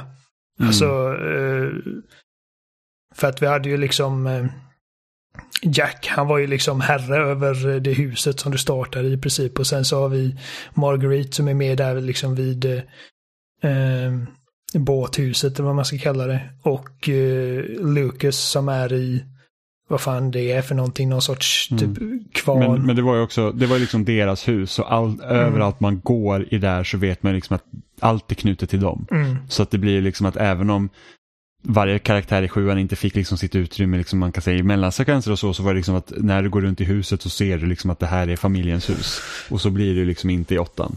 En grej jag kan tänka mig att folk som kanske inte är liksom lika vana vid så här Resident Evil bullshit som jag är. För att jag har spelat den här serien i så här två decennier. Liksom att det finns en del grejer som man liksom bara accepterar. Liksom. Men Alltså Ethan får sina armar avhuggna, han blir typ ja, spetsad alltså det, fram och det, tillbaka. Det, uh, det måste ju liksom förklaras på något sätt för att det är liksom så här att till, till och med jag reagerar på det. Jag var så här att alltså, något, alltså, något måste ju förklaras med Ethan. Det är ju bara så. För att det där, liksom, på gång här. Jag kan liksom inte köpa det. Men samma sak så tyckte jag att spelet bröt lite mot sina egna regler. Det är liksom något ställe där det kommer upp typ blobgrejer eller vad man ska säga och vissa av dem kan man skjuta bort. Sedan så kommer man till ett annat ställe där det liksom är skriptat att det inte ska gå att skjuta bort det. Vilket är orimligt för att det är exakt samma blobgrejer. Mm. Så de bryter liksom mot de reglerna de sätter jag tänkte upp. också det, men jag, liksom, det var en sån grej också som jag bara liksom, I let that slide. För att det, typ jag ser liksom att här bakom så bakom den här blobben, dit ska jag uppenbarligen. Så att den skjuter jag medan de som är typ på vanliga väggar och sånt, de struntar jag i. Uh, men typ alltså Ethan får liksom bokstavligen sin, alltså det första som händer typ är att han får liksom halva sin hand avbiten. Och det låter de vara, han bara sätter ett bandage på det. Och sen så får han sin högerhand avhuggen helt random. Ja det var fan vidrigt. Jimmy satt och hade typ ett stort jäkla otur. Och jag var så här bara, oj nu kommer det hända någon så här jättestor storygrej här. För att jag vet ju att jag inte kommer ha vara utan handen nej, ett tag. Man kan inte liksom att det, liksom. Nej, så att, att, nu kommer jag ju träffa någon människa som kommer liksom hända och så kommer jag få den delen förklaring för mig. Men nej, det är inte. Han bara, han bara tog handen, satte fast den och hällde den där liksom first aid-saften på. ja, och man var så här bara, va? Så det måste ju... Jag, alltså, ja, men jag, jag, är inte helt övertygad om att de kommer förklara det på något sätt. För att alltså... Det måste, för tittar man på hälsomätaren, på Ethans hälsomätare så har den sådana här gröna fläckar på sig. Den, den, det, det, är ja, någonting med honom som inte stämmer. Ja, jo, jag förstår det. Men jag, jag, som sagt, jag är inte... Ja, jag hade inte förvånat alltså jag, om de inte tar upp det. För att det är liksom... Jag bara... Alltså förväntar de sig nu liksom att jag bara ska acceptera liksom att, ja, för att liksom Green Herbs och det där, liksom genom hela seriens gång så har de alltid helat alla sår liksom. Så att nu, och nu tas det till sin spets liksom. Att jag får, det kan man ju lugnt Och det är inte bara handen som blir, det är första gången man blir liksom bokstavligen lemlästad. Men han blir spetsad, han blir liksom upphängd. Ja, ja alltså det är liksom så här, han, han man borde typ ha dött hundra gånger om. det är liksom så här, det, det är fan hårt liv för Ethan. Ja, så om man liksom inte dog av skadorna så måste han ju liksom ha dött av chock. Ja, och sen liksom, ja, det, ja nej det ska jag inte ta upp för att det är liksom spoiler. Men ja, jag pratar med dig om det sen för att jag bara what the fuck. Men alltså när han får handen avhuggen, jag bara what the fuck? Jag bara skrek jag med, rätt jag var... ut. Eh, Men det känner jag också att spelet är lite dåligt på att visa ibland vad man ska göra. Det är liksom att flera gånger liksom när det har varit stressiga situationer så är jag bara, jag har ingen aning hur jag ska lösa det här. Och, och, speciellt i början, för då ska man springa genom ett ställe och så kommer en så här rullande jäkla spikcylinder eh, typ. Och då ska man liksom in i vänstra hörnet, där stod jag en gång och dog. Så att jag liksom var så här, jag dog flera gånger där för att jag fattade liksom inte. Alltså jag, jag har inte haft något problem med att veta vad jag ska för att eh, oftast så känner jag att kartan är ganska bra. Men inte bara veta vad jag ska, vad jag ska göra i en specifik situation. Där det liksom är så här att Nej, spelet alltså, vill inte ens tele- Den med rullande spikar och så, den dog jag faktiskt på ett par gånger. För jag, jag tänkte, för att det finns ett par lådor där. Och jag tänkte att eh, så fort den förstör lådan så tar jag grejerna för att man har liksom, man, man har inga vapen just då. Men sen så tänkte jag, ja, alltså jag bara, jag bara trycker mig in här längst bak och så överlevde jag. Um, Ja, ja men jag stod där en gång och dog. Och var så här att vad fan ska jag göra? mm, Eh, så att, liksom, det, det finns liksom ingen visuell Inga visuella hjälpmedel där heller som bara visar att titta hit. Eh, Inte just och lite det så har det varit nej. ibland. eh, Och ibland är det så, så att man liksom går runt och skrapar sig i huvudet lite. Så bara, men alltså, vad, vad, vad försöker spelet få mig att göra? Jag gillar också vissa, jag tycker om de här liksom bolllabyrinterna de har. Um, Ja, Jag, jag, de är inte särskilt svåra att göra. Det är bara liksom, själva pusslet är liksom att dels hitta bollen. Eh, Mm. Och sen är det liksom bara så här, typ bara snyggt designad labyrint som man ska liksom typ tilta runt för att få bollen att rulla ner i ett litet hål och då får man en skatt. Eh, Mm. ja men det är jätteroligt. Och, bonusgrejer. Ja, jag, menar, jag tycker att alltså, tempomässigt tycker jag att det här spelet är, är riktigt smart designat. Eh, och eh, som sagt, variationen är liksom mer omfattande än vad jag trodde den skulle vara. Ja, för man stannar inte på ett ställe tillräckligt länge för att man ska tröttna Nej, på det. precis. Det är väl liksom där, det, det, de, de, de, de pinnar på ganska raskt. Och medan den här liksom titulära v- byn är liksom ganska begränsad i liksom omfång så tycker jag inte heller att den blir tråkig att utforska för att du liksom varje gång du återvänder dit så har du liksom någonting nytt som gör att du kan se nya delar av det. Um, och uh, Ja, nej, jag, jag vet inte. Men sen så är det också, alltså, jag vet att vissa kommer ha problem med det här liksom att okej, en av de här karaktärerna har liksom telekinesiska krafter, att han kan styra metall som Magneto. Hur ska vi liksom förklara liksom att Umbrella på något sätt är ansvariga för detta? Vad är det, vad är det för virus han har fått som gör att han liksom kan typ röra metall genom Mm. liksom med tanken? Mm. Eh, så att de är, de är lite out there. Mm. Är samma med typ Men det, det, den minsta Det- liksom, eh, alltså av de här bosskaraktärerna. Liksom när jag såg henne första gången jag bara what the fuck är det där? ja, men, ja, men så det, det, det, det ska bli kul att se hur de knyter ihop det till liksom Resident Evil lore om man ja, säger för så. man ser, jag, jag har ju sett Umbrellas sigill någonstans. På Ja. en sån här ceremonisajt och, och, och jag är nyfiken på liksom hela, särskilt Chris Redfield som vi inte ens har nämnt. Jag, jag är väldigt nyfiken på att se hur, vad liksom, som har motiverat honom till att göra de val han gör i spelet. Eh, för att vi vet ju liksom att alltså, han är ju inte en ond människa, alltså han är ingen skurk. Eh, Men precis som liksom, det, det är ingen spoiler, det ser man i första trailern. Alltså han bara kommer in och bara skjuter Mia rätt i huvudet. Och inte bara... Mm. Alltså hon blir typ skjuten 37 gånger eller någonting. Det var helt... Och sen vad de gör med dottern, jag bara what the fuck? vad, vad är det som händer? Ja, jag vet. Alltså det, det är nästan så här, liksom så här Hideo Kojima-absurditeter. Så ja, det är verkligen typ ett, ett av de konstigaste, liksom verkligen så här, okej, nu är det liksom löst, väldigt löst kopplat till... Ja, För man men kan- det, känns så här, det känns ju väldigt långt hopp från så här Resident Evil 3 Remake till Resident Evil 8. Ja. Liksom. Liksom de typ första, första spelen kändes liksom att, okej, i en värld där det finns liksom ett virus som gör människor till köttätande zombies. Så är liksom, det mesta av detta är ändå liksom ganska rimligt, jag kan köpa det, men det är alltså, det där har vi övergett sedan länge nu. Mm. Ja, nej, det, det, men, men det är kul i alla fall att spelet är så pass, alltså det är ändå bra. Det är bra. Det, det, är inte, det är inte perfekt och det är liksom, det har, det har liksom grejer som jag hade ändrat och, och tweakat på. Men typ som bossar exempelvis. Jag tycker att eh, generellt så, och detta är liksom någonting som är sant för liksom bossarna i liksom flera, alltså de flesta av spelen nästan. Är liksom att du har en svag punkt och du skjuter på den tills den är död. Eh, Mm. och liksom bossarna är väldigt coolt designade och de liksom rör sig häftigt och det är liksom bara animationsmässigt är de liksom ett spektakel. Ehm, men liksom det, det handlar väldigt sällan om någonting annat än att bara liksom identifiera, okej, så att den humanoida delen av det här stora monstret, skjut på den och håll lite avstånd. Skjut några skott, spring, skjut några skott, spring, skjut några skott, Mm. spring. Och jag tycker att eh, det är väl någonting jag, jag gärna ser att de arbetar lite på i framtiden. Eh, Mm. det finns liksom typ Alltså de här vampyrsystrarna liksom, de har i alla fall någon liten grej man måste göra med dem innan man kan börja liksom göra skada på dem. Uh, lite mer sånt tänk, tänker jag liksom att det, ja. Mm. Nej, så att det, ja, det, det, är inte perfekt men jag är riktigt nöjd med det och det, det har mm. inte gjort mig besviken. Jag tror att sjuan som helhet lär nog träffa hårdare när jag är klar med åttan, men jag måste bli klar först för att veta. Jag kände det också, för att, för att sjuan kändes så fräscht och nytt. Liksom, ja. Att det var liksom en ny järv riktning för serien samtidigt som att det liksom verkligen drog tillbaka och liksom eh, strippade ner det till vad som är liksom den råaste essensen av vad ett Resident Evil-spel är. Medan detta mm. mer spelar vidare på det och eh, liksom drar in element från seriens mest populära del. Så att alltså, mm.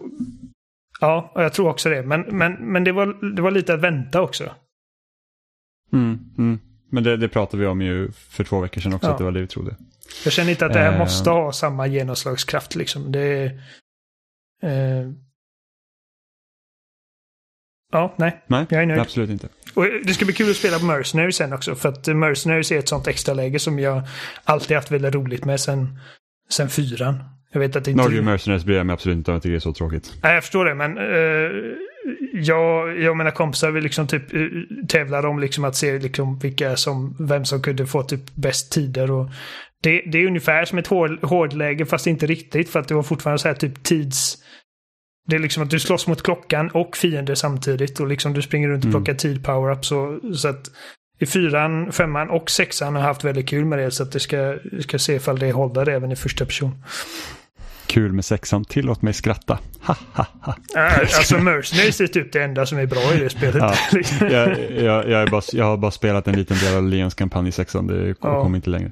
Eh, men vi har fått en, två frågor från Kristoffer på Facebook. Eh, som han vill att vi ska diskutera. Han skriver, Tjena spelsnack, har två frågor till kommande podd. Sett att det diskuteras en del om att fler och fler Xbox-spel släpps i 120 FPS kontra PS5 60 FPS.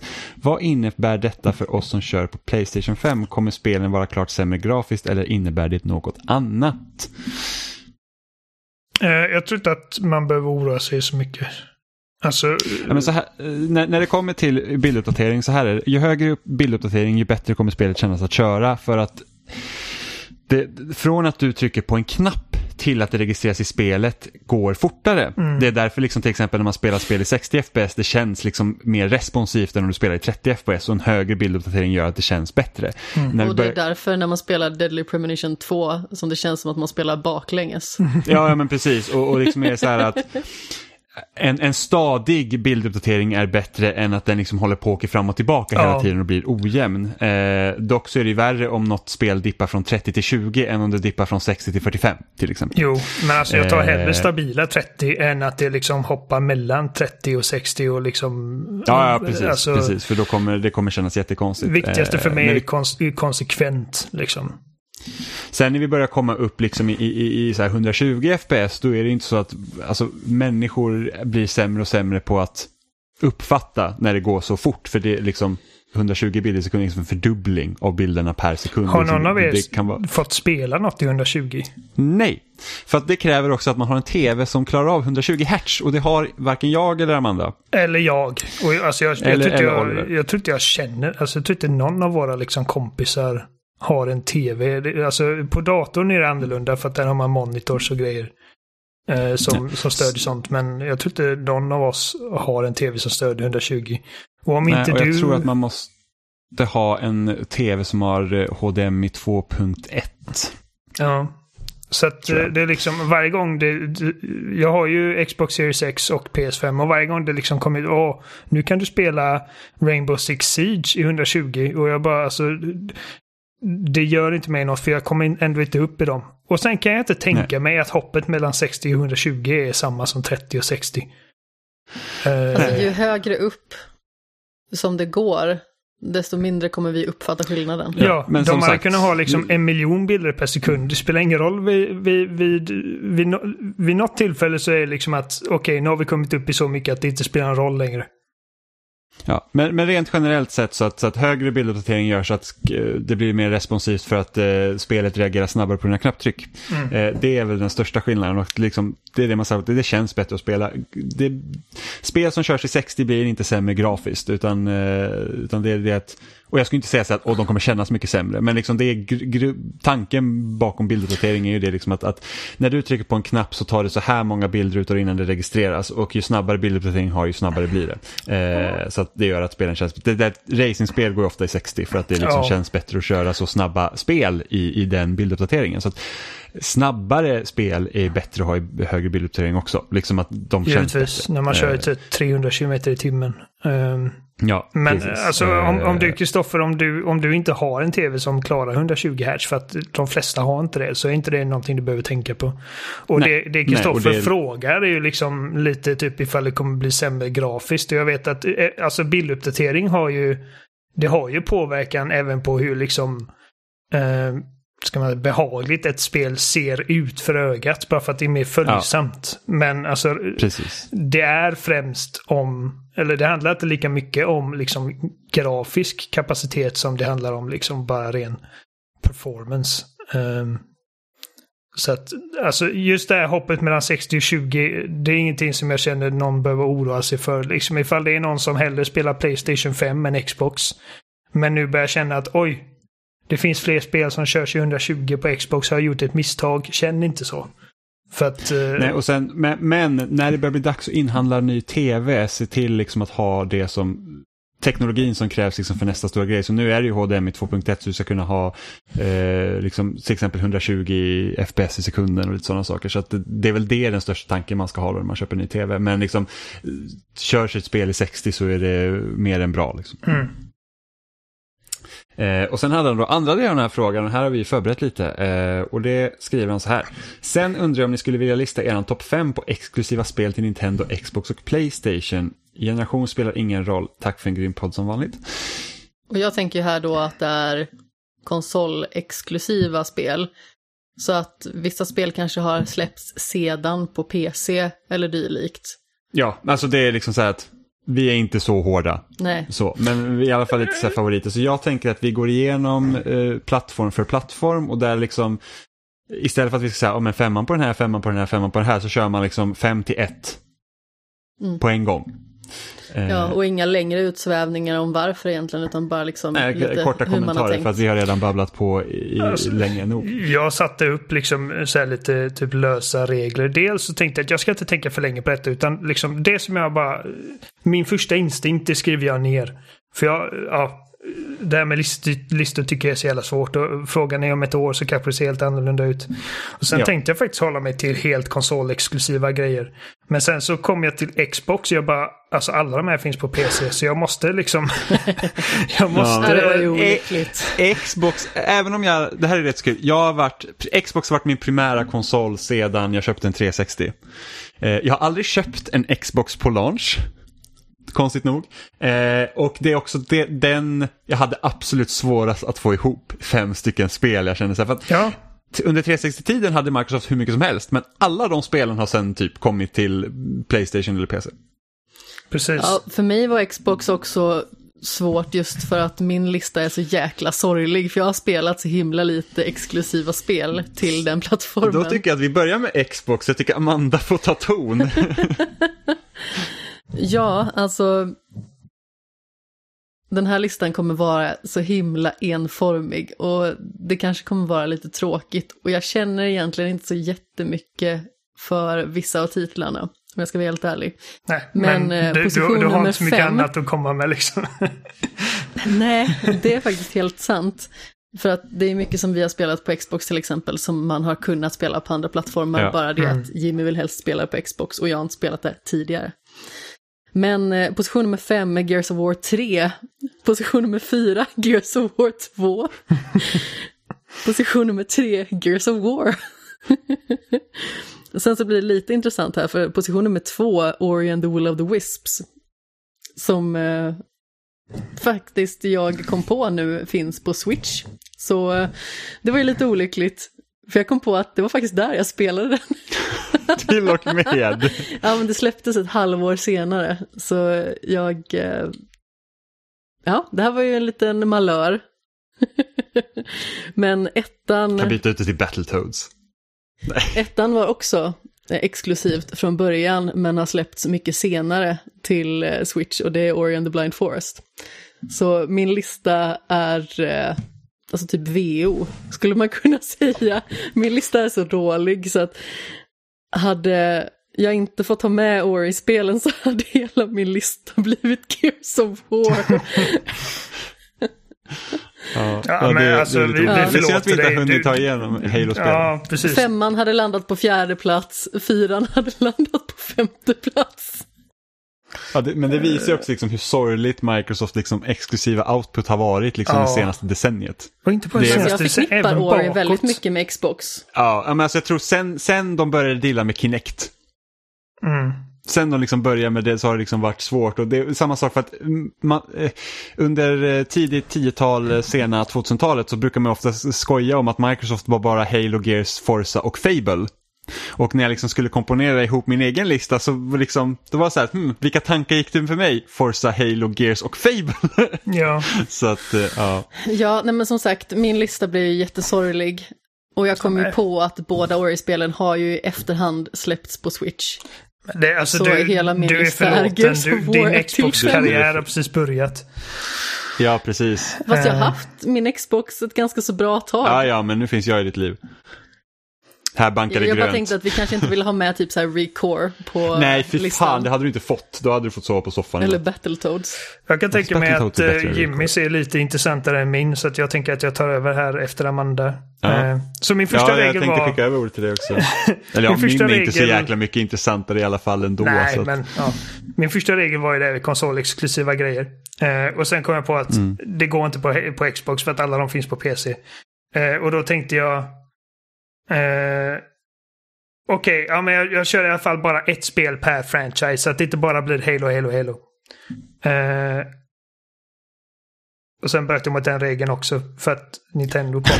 Eh, och sen så, Okej. på, på min femte plats nu för fem minuter sedan så var Ori and the Blind Forest. Men då kom, eh, då kom Amanda på att det finns på Switch också och jag bara Just det, okej, men ta bort det. Så, Panik! så att eh, det hade varit där. Men för att vara liksom åtminstone lite konsekvent så femte plats Alan Wake. Eh, Ja. inte, inte ett jättefantastiskt spel men det liksom ligger mig ändå varmt om hjärtat för att det liksom, de delar de gjorde bra gjorde de riktigt bra och jag vill se en uppföljare för det spelet. Eh, Ja. Och sen här också är liksom lite fusk. Nummer fyra, Ninja Gaiden. Eh, det första spelet. Det finns ju även på PS3 och de här fast just Ninja Gaiden Black finns bara på Xbox. Så att det är Ja. min nummer fyra. Remaken finns på de andra. Eller remastern. Och sen då tredje plats som också är, eh, återigen, där finns också på PC, men Knights of the Old Republic. Eh, har faktiskt Mm. bara funnits på konsol på, på Xbox. Och sen är andra plats Gears of War 2 slash 3 för att jag kunde inte välja en för jag tycker tvåan har en bättre kampanjen men trean har vi en sån jävla rik multiplayer-historia med. Mm. Eh, för att hoppet liksom bara i kvalitet från tvåan till trean, re- bara i multiplayer var helt enormt så jag kan inte riktigt välja där. Eh, Kampanjen i tvåan och multiplayer i trean och sen nummer ett, eh, Halo 3. För att, och detta är liksom, alltså, någon dag hade detta kunnat vara Halo 1, det hade kunnat vara Halo Reach, men jag valde just Halo 3 för att det hamnade på någon så här liksom... Alltså, Halo 3 startade min så här online multiplayer-resa. Eh, Mm. 2007. Och eh, det är bara liksom, än idag så är det liksom bara ett sånt fantastiskt jävla kul spel att spela. Eh, Mm. och eh, jag, har, jag har alltid liksom, om du hade frågat mig för typ fem sex år sedan så hade jag ändå satt Reach där.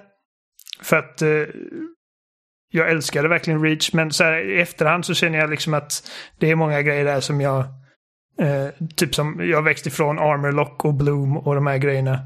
Eh, Så att Halo 3 är nog det som får liksom representera Halo-serien på något sätt. Ja, men det, alltså, det är bra. Bra lista, Oliver. Eh, jag, jag är så här att jag har ju säkert missat massa småspel som är exklusiva men det är bara att indie-titlar kommer ju liksom ut till alla möjliga format liksom typ tio år efter så bara nu finns det Precis, på iOS. så, man bara liksom så här, okej. Braid Så kanske att- bara fanns på Xbox först men det finns säkert på andra plattformar nu. Ja, ja men typ såhär Super Meat Ja, det Boy finns ju på Trials. Playstation... Äh, det finns ju på Playstation 3. Ja, men typ Super Meat Boy var exklusivt ett tag. Eh, Trials HD var exklusivt. Det fanns jättemånga liksom jättebra. Trials så att- HD, så att, eh. Ja, det är skitbra verkligen. Men men, min lista är, eh, jag har inte haft samma regler som Oliver, jag har inte haft några regler överhuvudtaget, och jag har bara satt ihop en lista på känn. Eh, på femte plats har jag första Forza Horizon. Eh, jag tycker fortfarande att det är det bästa Forza Horizon som har kommit just för att det, det fokuserar mer på tävlingen och inte så här kör vilken bil du vill när du vill som tar liksom bort det här att spelet pressar mig till att försöka Alltså pressa mig att göra någonting som jag inte är bekväm med. Eh, vi Och säger att därför jag är det bästa Forza överhuvudtaget. För att du tycker väl bättre om det än Motorsport-serien. Ja, precis. Eh, precis. Ja. Bästa Forza som man inte kan köpa längre. Sorgligt. Eh, för att jag körde i princip hela Forza Horizon 4 med min jävla Subaru. Eh, fjärde plats så har jag Geometry Wars Retro Evolved 2. Kriminellt att det spelet inte har kommit till fler plattformar. Ah, men det är fortfarande exklusivt på 360. Det, Det, är hade ett jag kunnat grymt, klämma in där någonstans alltså. Ja, det är ett grymt arkadspel. Twin stick shooter liksom. Det är min Eh, som- favorit Twin Stick Shooter någonsin. Ja, det är så, alltså jag plockar fortfarande upp det och spelar det med jämna mellanrum. Ja. Eh, sorgligt nog så har min sparfil på något sätt blivit korrupt så att jag måste köra igenom typ då kampanjen inom citattecken för att låsa upp alla lägen igen. Men mina highscores finns kvar. Eh, på tredje plats, Halo Combat Evolved. Första Halo är ett spel som varje gång jag spelar ut det så växer det på mig ännu mer. Ja. Och man inser liksom hur jäkla, vilken jävla fullträff de kom ut med med det här spelet med tanke på att det fortfarande håller. Jag Det är vet. liksom- det var nära att jag satte Det är så- ettan också. Ja, det är så jäkla bra och kul även om bandesignen kan lämna lite att önska men striderna är så jävla roliga. Alltså du och jag har Eh. liksom bara startat det så många gånger genom de här åren och det är alltid kul.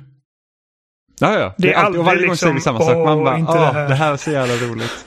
Ja, förutom när man kommer till library. Ja, Eh. och det, ja precis. Det var därför jag satte trean. På grund av Library. På andra plats, på andra plats Gears of War 3.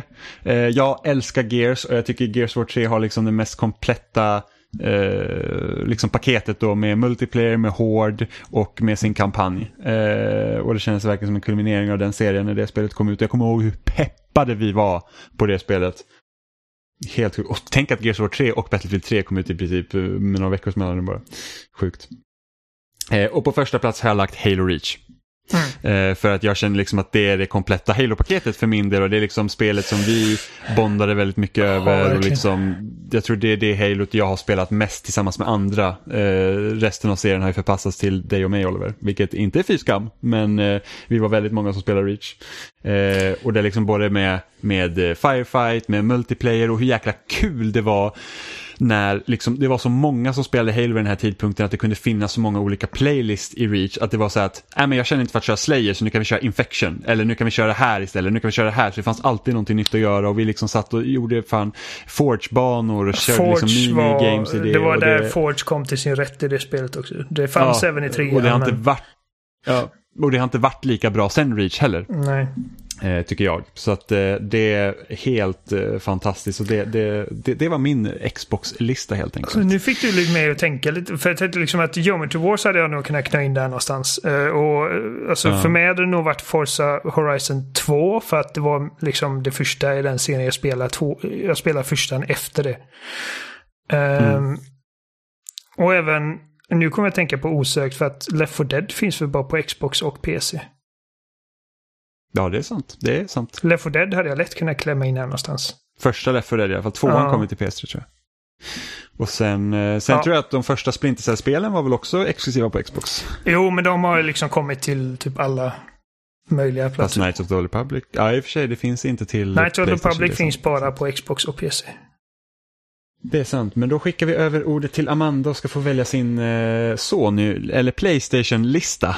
Ja, alltså nu måste jag ju gottgöra alla, list, eller alla list, lyssnare, höll jag på att säga, alla lyssnare, för att min förra lista var så enormt sämst, verkligen. Alltså listor brukar ju vanligtvis vara en grej som jag älskar att göra och som jag någonstans vill tro att jag är hyfsat bra på.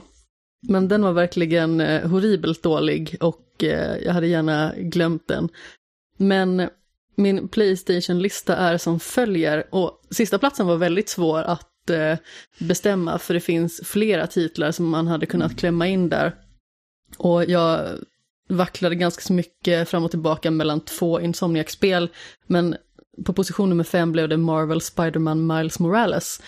Just för att jag tycker att eh, den senaste Spider-Man-upplevelsen är mycket mer kärnfull, karaktärerna känns mycket mer personliga och intressanta.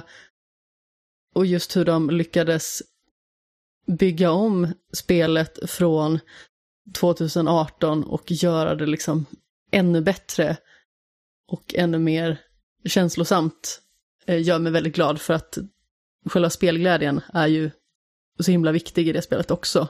Eh, och när de lyckas väva samman det så blir det kanon.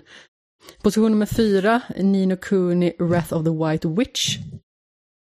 Väldigt storslaget spel för mig på den tiden när jag spelade det och eh, jag kämpade väldigt hårt med att klara av det. Och det lämnade ett eh, stort avtryck verkligen som ett japanskt rollspel. Sen så har vi The Last of Us på position nummer tre. Och det är också naturligtvis ett eh, väldigt känsloladdat spel som eh, rörde upp en himla massa saker inom en och som också verkligen visade ett väldigt eh, intressant berättande när det kom. Och det håller fortfarande så himla bra idag. Position nummer två, Horizon Zero Dawn. Jag har aldrig varit liksom ett eh, jättestort fan av öppna världar, men det är nog den öppna världen som har greppat mig mest och jag kände liksom att jag vill se allting som har med det här att göra. Och på första plats så har vi Journey. Det är en liten upplevelse, men det är få spel som lyckas påverka en så starkt på en sån kort men ändå vacker resa. Mm. Fint. Vad, vad är din topp 5 för Playstation då, Oliver? Okej, okay, så att, eh, här bestämde jag liksom. Denna var den som kom. kom den här, denna topp femman var liksom den som kom snabbast för mig. För att, inte för att det liksom finns för, för få bra spel eller whatever. Bara för att liksom mina instinkter satte sig ganska liksom, ja, så det här känns okej. Okay. Och som sagt, min regel, inte mer än ett Uncharted, inte mer än ett God of War, inte mer än ett Last of Us, bla bla. Så att det blir liksom en av varje. Och eh, femte plats är Shadow of the Colossus. Vilket liksom inte kändes tippat liksom att det var det som kom fram till mig först. Jag, liksom, jag tänkte typ på uh, Metal Gear Solid och det är liksom uh, det är en serie som har varit förknippat med Playstation men sen liksom kommit över till andra plattformar också så att ja, nu är det bara fyran som är fast på Playstation typ tror jag. Precis. Uh... Och, och Twin Snakes är fast på GameCube. Ja, och originalet är väl, alltså jag tror att originalet bara finns på Playstation och PC. Ja, det är sant. Twin uh, Snakes låter så jäkla suspekt. Men, re, men remaken som sagt det finns på Nintendo. Så, så att, och fyran är liksom ja, typ det sämsta. Av ja, de. Huvudspel. Uh, så att det blev inget Metal Gear. Så att, Shadow Colossus är bara en sån, sån speciell upplevelse. Jag har bara klarat det typ två gånger. Uh, och eh, liksom på det stora hela så hade det liksom inte kommit på någon sorts topp 5 om man skulle snacka om spel, liksom spel överlag. Men sett till spel som bara går att spela på Playstation eh, så hamnar det där bara liksom helt random. Och det känns bra. Fjärde plats Uncharted 4. Jag tycker att Uncharted 4 är liksom det bästa i den serien för att det liksom eh, kändes som ett lite mer moget spel, lite mer, eh, betydligt mer fokuserat på liksom karaktärerna liksom och dess, alltså deras eh, svagheter. Eh, och fel och eh, jag tycker liksom bara sett när det kommer till eh, bombastiska, skriptade, linjära, liksom, alltså nästan filmiska actionäventyr så blir det inte mycket bättre än Uncharted 4. Eh, tredje plats Bloodborne. Alltså man märker det liksom att det är bara ett av de här som inte är liksom relativt nytt. Sony har gjort en riktigt bra liksom de senaste tio åren. Um, Bloodborne är amazing. Alltså, alla vet att Bloodborne är amazing. Det, vi behöver inte gå in mer på det. Nummer två, God of War. Uh, det senaste. Alltså, jag tänker fortfarande på det väldigt ofta, det spelet. Och jag, jag, kan inte liksom uttrycka min respekt nog, liksom hur de lyckades ta den här serien som ändå kändes liksom att den var färdig. Och den här karaktären som det kändes som att de kan inte ta honom någonstans. Utan, liksom, han har gjort sitt, han, han har liksom ingen redeeming value, han är bara liksom en typ rage-maskin. Uh, det går faktiskt, inte att vända om. Nej, till att faktiskt liksom vända på det och, och liksom strippa ner uh, liksom hela den serien till dess mest bara väsentliga delar och liksom ingenting är heligt. Alltså det är liksom en risk samtidigt som att liksom det verkligen betalade sig fler, flera gånger om. Uh, God of War är helt fantastiskt. Och sen första är Last of Us och jag behöver inte gå in så mycket mer på det för att jag pratar alltid om Last of Us. Mm. Ja, bra lista. Det, man ser det, mycket nytt. Mm. min Playstation-lista är så att jag har ju ett stort hål. Liksom, jag hade ingen för ett Playstation 1 och jag har inte haft någon Playstation 2 förutom alltså väldigt sent och då spelade jag väldigt lite. Mm. Eh, och jag var inte speciellt överförtjust i Playstation 3 utan det är först med Playstation 4 jag verkligen gett mig in i Sonys bibliotek och det är också då jag tycker att de har liksom varit eh, allra bäst. Mm. Eh, men jag har ju ändå en del spel, eller jag har mina fem spel ändå. Och som sagt, här är ju också mycket så mindre spel som säkert går förlorade när man liksom ska sätta ihop här listorna ganska fort. Um, men på femte plats, Final Fantasy 7 Remake. Oh. Uh, så pass? Och av den liksom anledningen Yes, jag tycker verkligen att, att när jag spelade det här förra året var verkligen så att jag kan inte tro vad jag ser på skärmen. Det här liksom känns typ, varenda jäkla JRPG man spelade när man var liten var liksom så att det här är vad man liksom drömde om att det skulle se ut som till slut. Eh, mm. Det här var vad man trodde att det såg ja, ut som. Ja, men lite så och liksom att de lyckas verkligen jag tycker det är en så himla bra översättning av originalet i en ny skrud och det är liksom, trots att de har liksom moderniserat systemen och så, så känns det liksom, alltså man får samma den här känslan som man hade liksom när man spelade JRPG när man var liten. Det är helt, jag tycker det spelet är helt fantastiskt. Eh, nummer fyra, Bloodborne. För att det är liksom, Alltså stilen på det, liksom, det fick mig att börja gilla den här typen av spel som jag liksom har svårt att komma in i tidigare. Och det har gjort att jag både har spelat Sekiro och eh, nu senast Demon Souls. Och jag ska ge mig kast med Dark Souls-spelen också till slut. Eh, men Bloodborne, liksom, hur, hur, det ser ut är liksom helt amazing. Eh, och spela såklart, det är jätteroligt. Eh, på plats nummer tre, God of War 2018. Av i princip samma anledning som Oliver sa. Eh, jag tycker att det är Sonys bästa liksom alltså stortitel de någonsin har gjort. Eh, jag, jag, är helt, alltså jag, jag har ju spelat de tidigare God of War-spelen också eh, och vi spelade ju dem tillsammans då för flera år sedan Oliver. Mm. Eh, och jag liksom tyckte om dem, de var bra, liksom, det är kul spel att spela men jag tror att God of War 2018 fick mig att liksom bry mig om serien. Alltså, ja. ha, hade de bara utannonserat ett nytt God of War, jag köpte inte Ascension till exempel för att det var så att ja, men jag spelar alla God of War, jag behöver inte ha Ascension medan när de utannonserade här och liksom det såg helt annorlunda ut. och var så här bara att okej, okay, det där ser spännande ut. Nummer två, Persona 4 Golden. Eh, Persona 4 är typ ett av de bästa JRPG jag någonsin har spelat. Jag tycker att det är utan tvekan det bästa Persona-spelet som finns. Eh, det är det är liksom man har en grupp, alltså man tänker JRPGs normalt så är det ofta så att du har en grupp människor du får följa och sen så är de med på massa olika äventyr och eftersom det här är satt liksom då i en verklig miljö så är det också det ofta som står i fokus. Eh, så att du har de här liksom x antal klasskamrater som lär sig känna varandra och de har alla sina egna problem och det går liksom inte bara ut på att liksom då eh, lösa mysteriet och slåss mot monster utan faktiskt lära känna sina kamrater och liksom välja vad man ska spendera tid på. Och det är liksom, jag tror det är en av de mest smärtsamma upplevelser jag någonsin haft av att jag råkade spara över min spelfil, få fel slut och missade flera månader i liksom in-game på aktiviteter jag ska göra. Eh, som bara, så, så du måste jag spela om spelet för det, så det, det, det var knäckande. Men det är så ett jävla bra spel. Eh, och på första plats är det Journey. Och det är mycket, alltså Journey var verkligen något helt annat när man liksom fick spela det. Det var liksom att ta det här att som, som liksom tanken med Journey var ju det att kan man, liksom, kan man representera kärlek i ett spel på något sätt utan att låta eh, personerna prata med varandra och det, det lyckades de med. Liksom, att, att du, du, träffar på andra personer utan att liksom egentligen kommunicera mer än liksom via ett ljud och sen får dem att, att, hjälpas åt och sen att man faktiskt känner något i slutet när man skiljs åt. Det är helt otroligt. Och sen var det ju så kul också för att du och jag Oliver, vi spelade Journey tillsammans första gången. Jag kommer aldrig glömma detta, detta var helt sjukt.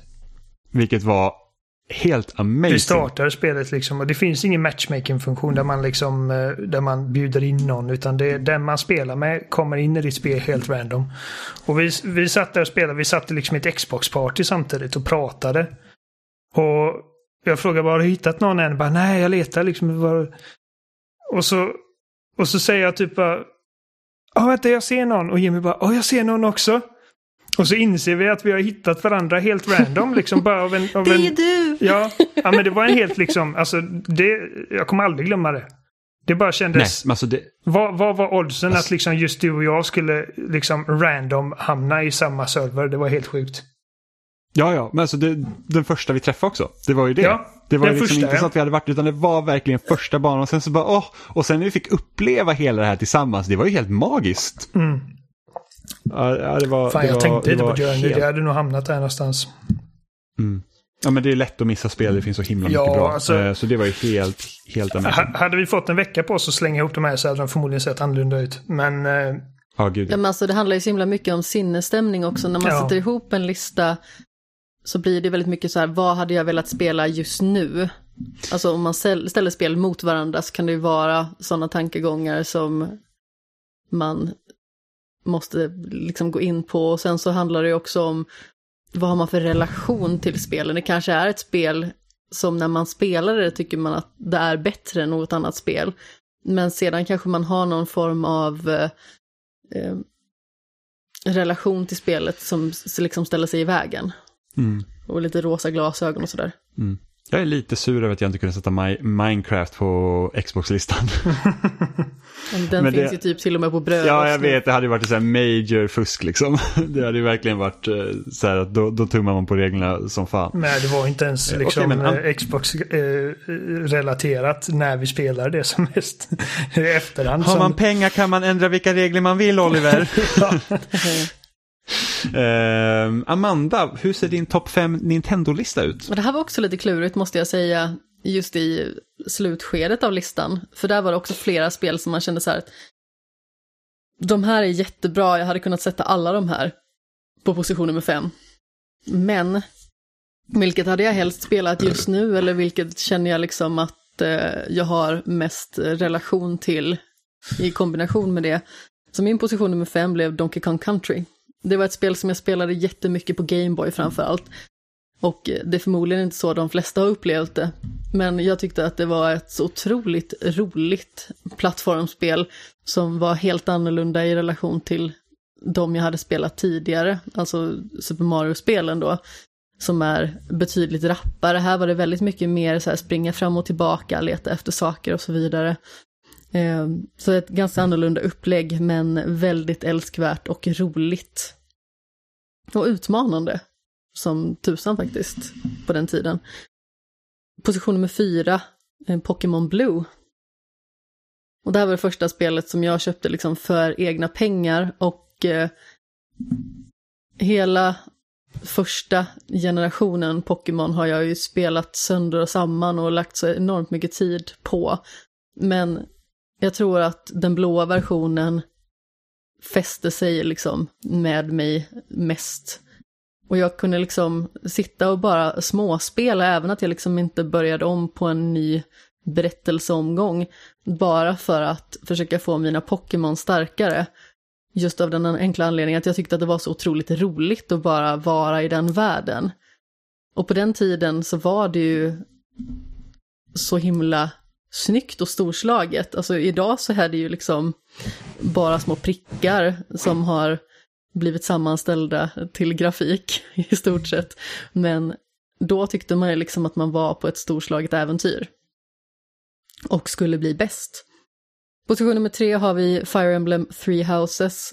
Jag älskar upplägget i Fire Emblem sen tidigare och eh, strategirollspelandet, men karaktärerna hade inte fångat mig förrän nu, helt enkelt. Och just själva upplägget med att man liksom är en professor som lär ut olika egenskaper till sina studenter och sedan så använder man dem i sina stridssegment och bygger upp liksom ett lag och en relation med dem på ett helt annorlunda vis. Det var fantastiskt bra. Position nummer två, Super Smash Bros Melee. Och det var ju så jäkla roligt att bara hata varandra i det spelet. Att sitta och skrika på varann, att eh, köra bara en runda till och jag ska nita dig din jäkel. Alltså det var så himla fascinerande hur man kan ta liksom ett så simpelt spel och aldrig vilja sluta spela Så det. grova ord du använder. Jag ska nita dig din jäkel. Oh. Det kanske är barn som lyssnar, okej? Ja. Ehm, position nummer ett, ingen överraskning alls, Super Mario Bros 3. Det är det Mario-spel som jag älskar absolut mest och ett av de spel som jag älskat allra längst. Och jag har till och med min lilla tatuering av eh, Super Mario på armen som eh, vittnar om eh, Står Mario och kärleken. viftar med sin svans. Ja. Mitt på blanka dagen. Ja. Nej, men alltså, det är så himla kreativt och det händer så himla mycket i det spelet och eh, om vi tar liksom stegen mellan ettan och tvåan och trean så gör trean någonting väldigt eget. Och det är så enormt roligt. Jag kan plocka upp det vilken dag som helst och bara falla tillbaka in i den kärleken igen. Fint. Oliver, hur ser din topplista ut? Jag tycker bara, jag har bara suttit och tänkt för att jag, jag tänker inte börja gissa för att jag vill inte spoila någonting, men jag tror att jag kan typ gissa vad Jimmys topp 5 ser ut som. Eh, Jag började gissa innan inspelningen och gick runt så smågissade hela tiden. Jaså? Ja, men jag vet ungefär. Jag vet ju- ungefär. Känner man sig lite förutsägbar? Eh, alltså, du, ja, på just Nintendo är du ganska förutsägbar. Ja, vi får, vi får se om ni har Ja. rätt. Jag vill att ni båda säger vilken topp 5 ni tror att jag har. Och sen så Ja, men jag vet inte ordningen, Men- men, liksom... eh, Nej, nej, men säg, du kan säga vilka spel så får vi se. Eh, ska vi se. Alltså, ja. Den här var svårast för mig för att jag var tvungen att bryta ytterligare en regel här om, om bara ett spel per serie.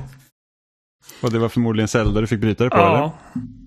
Eh, För att det, det jag märkte med liksom Nintendo, jag tänkte att ja, det blir lätt för att det finns så många bra spel. Men jag kom på liksom att det, de flesta av dem är inom samma liksom, serier. Liksom. Det finns så många bra Mario-spel.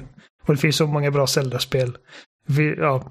Eh, jag visste att jag var tvungen att ha ett Smash på här och eh, alltså min första liksom, instinkt var bara typ alltså, Melee. Men alltså i slutändan tror jag i alla fall att jag spelar hellre Ultimate idag.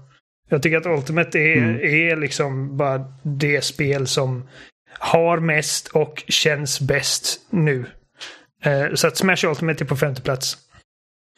Och Mm. här på fjärde plats har vi ett Mario-spel. Och det var också, jag, var, var, Jimmy kommer bli kränkt nu, men det blir Mario Odyssey.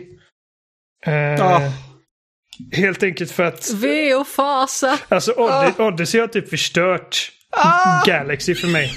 För att i, i Mario-spel nu så vill jag alltid ha liksom en stor öppen bara liksom bana där jag kan typ hoppa runt och trixa och liksom där jag inte har någon några som helst begränsningar på vad jag kan göra och vart jag kan ta mig. Och det har jag märkt nu när jag spelat Galaxy igen på Switch efter att det släpptes att jag känner mig så begränsad. Även om banorna är så jävla liksom tight designade och så liksom mästerligt utförda så är de liksom att du kan bara spela dem på ett sätt. Medan i Odyssey, jag tror att jag har liksom tagit jag har liksom besegrat Bowser tre gånger i det spelet och det känns som att jag har liksom en ny upplevelse varje gång. Så att eh, det blev Mm. Odyssey. På tredje plats blir det Breath of the Wild. Ehm. Ja, jag vet inte. Alltså, vi har pratat om Breath of the Wild mycket som helst. Jag tror att det, Ja. det, det, som, eh, det som absolut... Motivering, eh, ja. det som är det absolut största grejen med Breath of the Wild är liksom hur de tog Open World-genren och liksom gjorde den spännande igen. I en tid där allting var Open World och allting kändes exakt likadant. Och det som vi har sagt, liksom, Mm. det är därför jag tycker liksom att Horizon Zero Dawn, förlåt Amanda, men alltså det är typ som alla andra Open World-spel i sin struktur. Eh, och samma med Days Gone, det är samma med liksom allting Ubisoft gör. Uh, Zelda liksom tog allt det där och bara visade dem pekfingret och visade liksom att okej, det här är typ vårt första ordentliga Open World-spel och vi gör det bättre än någon av er, så fuck you. Ehm, Och sen om man ser de här Twitter-filmerna som kommer upp ibland, att folk är ju så här helt sjuka grejer med de verktygen man har. Man säger, jag hade ingen aning om att man kunde göra så här. ja. Liksom typ skicka upp sig med så här eh, standardtiden på steg, snåren och så upp i luften så typ regnar man ner bara pilar och så dör en liten stackars Guardian där nere någonstans. Liksom. Så det är så jävla alltså, briljant, jävla genialiskt designat. Att, jag vet att många kritiserar för att ah, men du har liksom inte lika mycket olika roliga items. Men medans items i tidigare spel var liksom att du använder de här för en grej. Så har du mm. ett verktyg i Zelda som kan användas på tio olika sätt. Uh, Så det är liksom lite som med Odyssey känner jag liksom att det, det är designat så att du ska kunna göra det liksom precis på vilket sätt du vill. Snarare än att de tar dig på liksom en väl designad liksom eh, punkt A till B. Mm. Eh, jag vet inte varför jag sa förlåt Amanda. Det var inte meningen att göra det till, till en grej om dig. Men jag känner att liksom varje gång jag säger något om Horizon så blir det bara... Nej, det blir jag inte. Mm, jag sitter i hörnet och surar nu. Jag, jag, jag tycker... Jag blir arg på Jimmy när han säger att Days Gone är bättre. jag vet. Ja, Days Gone är bättre än Horizon. jag tycker Horizon är jättebra. Det är bara att uh, det, det, var just den grejen som gjorde liksom att det hölls från att vara liksom ännu bättre än vad det är. Uh, andra plats är Metroid Prime. Enligt vissa. En, enligt mig, ja. Precis. Uh, Metroid Prime. På andra plats. Och eh, jag känner inte att jag behöver gå in så mycket mer på det. Och första plats är Ocarina of Time. För att jag, jag bara kan inte med att inte sätta det på en första plats. Åtminstone inte när det gäller bara liksom Nintendo-spel.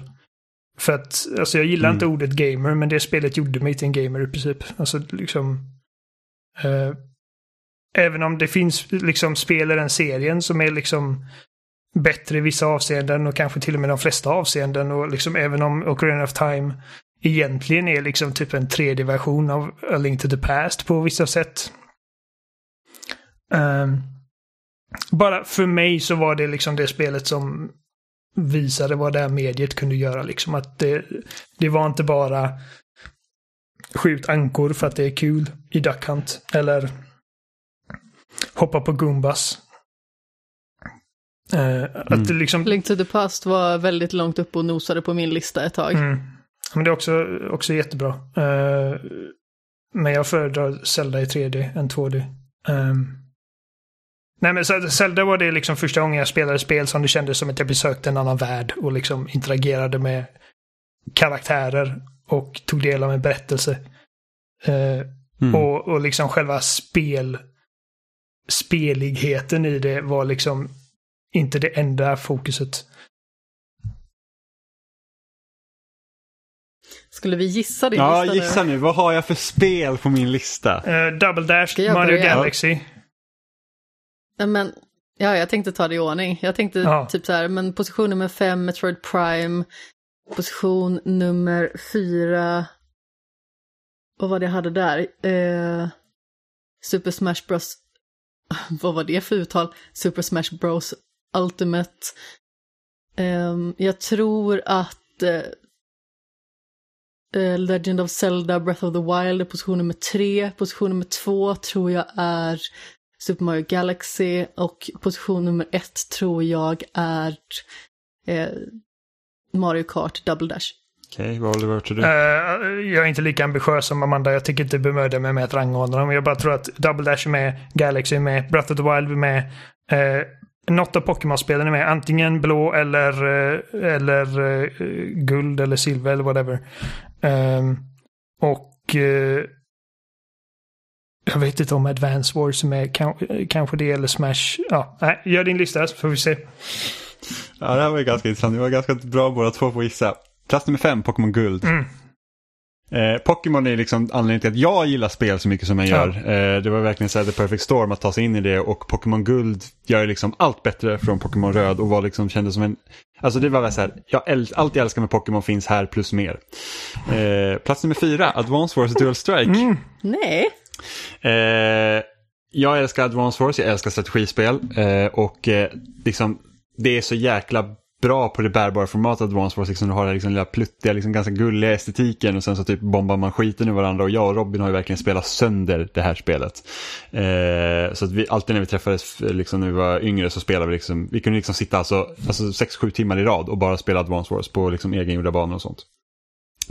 Plats nummer tre, Mario Kart Double Dash. Det här är mitt favoritspel genom tiderna. Jag tycker verkligen att det är det är verkligen kalas. Eh, men jag sätter inte som nummer ett. Om Ja, för att ta topp. du rangordnar det som att det är inte det bästa spelet, men det är ditt Det favoritspel. är precis, det är mitt favoritspel. Eh, Fy, smumrik. för att jag tycker verkligen att det är, det är det bästa Mario Kart och Mario Kart har aldrig varit så bra Jag känner mig förrådd. Plats nummer två, The, Le- The Legend of Zelda, Breath of the Wild. Eh, och det här är ju verkligen så här att Ja, men alltså, jag, jag älskar 3D Zelda och eh, jag var ju liksom, när Breath of the Wild liksom utannonserades så här, det är alltid kul med ett nytt Zelda, men efter Skyward Sword, vilket jag också tyckte om, så var det så här att de måste verkligen hitta på något nytt för att det ska kännas liksom spännande och jag förväntar mig bara mer Zelda, vilket alltid är kul, men det var det jag förväntade mig och det liksom här var ju det tog ju serien i en helt liksom, annan riktning och liksom var helt fast i de typ 50-60 timmarna jag spenderade liksom här och var så här, ville inte att det skulle ta slut. Eh, och liksom hur allt klaffar i designen, allt från liksom hur, hur kartan är uppbyggd, hur liksom det, det främjar upptäckandet, hur suggestiv musiken är. Eh, Det är liksom, ja, det är helt fantastiskt. Ja, då är ju ettan Galaxy. Ja, plats nummer ett, Super Mario Galaxy. Och det här var spelet jag länge tyckte var världens bästa spel. Eh, och det här är mitt favorit Mario. Liksom, och, det, och det cementerades ännu mer när vi liksom spelade på switchen nu. Och jag bara kände liksom man öppnar här och man bara så här, så det känns som att komma hem. Liksom. Man bara, ah, det, det är så himla bra. Eh, Ja, verkligen. Och man så bara, åh, det är så, så bra. Sen kan jag hålla med om att Odyssey har ju, har ju det här med Marios moveset som är himla mycket bättre. Ja, du behöver inte försvara Eh. mig för, dig för, för, för mig. Nej, jag, men liksom det var jag som det, det, började det förstår försvara jag mig. helt. Men jag tycker verkligen liksom att Galaxy, den kreativitet som finns där och liksom hur, hur spelet är uppbyggt är liksom helt fantastiskt. Så att, eh, ja. Jag är ju Jag- mer en 2D-spelare än en 3D-spelare. När det gäller gamla spel åtminstone. Mm. Men jag var nära på att sätta in Metroid Prime. Det, den var Alltså, liksom jag länge. var nära på att ganska sätta in Animal spot on där också. känner jag. Ja, jag vet, och när du sa så här, du bara, du bara, jag bara, men de där tre, det känns ju ganska givet. Sen så bara, men något Pokémon, ja det känns också Ja men ganska den var jag också givet. inne på. Jag var inne på andra generationen Pokémon. Men jag tänkte bara så här, kommer du verkligen sätta in det över ett sånt spel? Ja, men det, det, det som verkligen fick mig att det var så här, ja, något Advance Wars, det var också för det är inte så ofta jag pratar om Advance Wars. Nej, precis. Jag känner mig djupt förrådd. jag känner dig Jimmy. Uh, det, det hade varit kul att ha så här typ eh, så här social exercise och gissa varandras listor. För att se hur väl man känner varandra. Jag tror att ni hade Mm. nog kunnat gissa min eh, Playstation-lista ganska bra. Ja. Uh, Ja. jag menar liksom God of War. Och ni hade kunnat gissa min Xbox-lista. Ja, men liksom God of War, Bloodborne, Last of Us, det är, liksom, det är inga Alltså, svårigheter. Eh, nej, jag känner mig rätt nöjd alltså. Advance Wars, Ja. Mario Galaxy, Double Dash och Breath of the Wild. Mm. Jag visste inte vilket Ja, Advance nej, Wars, men- jag visste inte vilket Pokémon. Nej. Sen Super Mario Galaxy, det var ju länge det jag ansåg var det bästa spelet som någonsin gjorts. Mm. Och eh, under det senaste året så har jag ju reviderat det. Så att jag tycker numera att Minecraft är det bästa spelet som någonsin gjorts. Ja, just det. Så var Det är- Galaxy är andra plats nu då. Ja, Mm. alltså Minecraft är ju helt amazing. Jag måste Det nog liksom säga Batman. Arkham Asylum där då. Ja, Oliver, vilket är det bästa spelet som Nej, jag tänker inte ens gå in på det. Du får ångest bara Ja, att prata om ja. det. Alltså, jag, jag behöver inte tänka på sån här stort, skit. Jag, jag skriver inte om... Jag, jag, jag är inte på Game Reactor längre. Jag behöver inte tänka på listor och betyg och sifferbetyg och sån skit. Det är så jävla skönt. Eh, Det är rätt skönt på loading faktiskt, för vi har inga betyg eller någon form av eh, skala av eh, ska du spela det här, ska du inte spela det här och så nej, vidare, men du sätter liksom ändå så in i de här typ bara själv. Att du ska rangordna allting. Ja, men jag älskar listor. ja, och det gör mig stressad Det var ju väldigt sorgligt när vi liksom skulle gå in på då Xbox-listan och man bara säger jag har typ ingenting att kolla, liksom komma med. Och när jag upptäcker då att två femtedelar av min lista, de är liksom diskvalificerade. Och det bara är Gears of War på hela listan. Alltså jag bryter ihop. Nästa gång vi gör den här listan så Amanda spelar Halo också. Så kanske vi får in något Halo. Alltså varannat Halo, Jag, varannat jag, Gears. jag har aldrig gjort en lista liksom utan att typ först liksom eh, sätta det som en preface liksom att Alltså jag vet inte, detta är bara vad jag känner nu. Och det, det är liksom Ja, men så är det. Det är ju många grejer. Ja, men, och det är det som är problemet med listor för mig. Liksom att jag, jag ser ingen som helst mening med att lista grejer för att det kan stå för det om typ ett år. Det är liksom... Ja, fast allt ändras ju. Det, tänk om det kommer ut ett massivt spel som du bara säger, åh det här är det bästa jag spelar på Playstation nu. Då är det klart du måste revidera det. Jo, men då, Alltså, då är det lätt att bara... känslorna förändras. Precis, då är det lätt att bara trycka in det på någon, på, på någon lista. Liksom. Men, men eh, rang, liksom rangordningen som jag hade satt de här grejerna på hade också ändrats. Liksom typ Prey Jag har inget problem med det. Nej, jag, eh, nej alltså, och, och det, jag säger inte att åh, dina listor betyder ingenting för att det, det, det är bara så jag känner liksom när jag ska rangordna grejer. Liksom att eh, eh, det kan vara en kul exercise, men eh, liksom ifall inte jag kan liksom stå för att typ Prey är det 43 spelet som är bäst. Så då får det fan vara. Alltså, Får läxa till nästa Oliver, du ska rangordna alla spel du någonsin Ja, spelat. men, ja, jag tänkte på det liksom. Alltså om man skulle typ sätta ihop en så här topp 1000-lista liksom. Har jag spelat tusen spel? Jag tror fan det va? Jag, jag, Jag tror inte att jag har spelat tusen spel. ja, Okej, ja, men då har inte jag heller gjort Jag- det i så fall. Om inte, Nej men så här, jag tror, jag har, jag har runt 370 spel på Xbox. Och Men- det är där mitt bibliotek är absolut störst. Men om Sen- vi säger så här Jimmy. Jag spelade över hundra spel förra decenniet. ja. Ja, men jag har Och inte, jag har spelat mycket fler spel än så. ja, men jag har inte spelat så mycket. Du har spelat mer än vad jag har ja, gjort. men jag har inte spelat så mycket genom, genomgående hela mitt liv. inte är liksom, jag heller. Det är först nu när jag fått så mycket pengar och nu kan man ju faktiskt se. Eller När nu när har man har pengar. Jag har inte mycket pengar. Det är nu när man har mer pengar. Jag sa fel. när man har pengar överhuvudtaget. när man har pengar, då har man också råd med för att jag kan ju liksom se på så här trueachievements.com, där kan jag ju se alla Xbox-spel jag har spelat och det är ju över tio år jag har haft, Mm. liksom, det, det är från 2008 och framåt och där har jag nästan 400 spel. Oh, På Playstation har jag kanske 100 totalt och det är Playstation 3 och 4. Och sen har jag typ, jag har väl runt en 50 GameCube-spel och sen kanske Game Boy, DS, 3DS, eh, Game Boy Advance, Game Boy Color. Där kanske jag har ett samlat, kanske en 30-40 spel. Ja, Jag tror att du är säkert uppe i tusen och att jag kanske är uppe i hälften. Jag tror inte jag har spelat tusen spel. jag tänker liksom alla spel typ som man har testat hos en kompis när man var typ sju. Liksom om man räknar ihop alla dem. Jag kände bara Robin. Robin hade det inte fett. Inte som jag.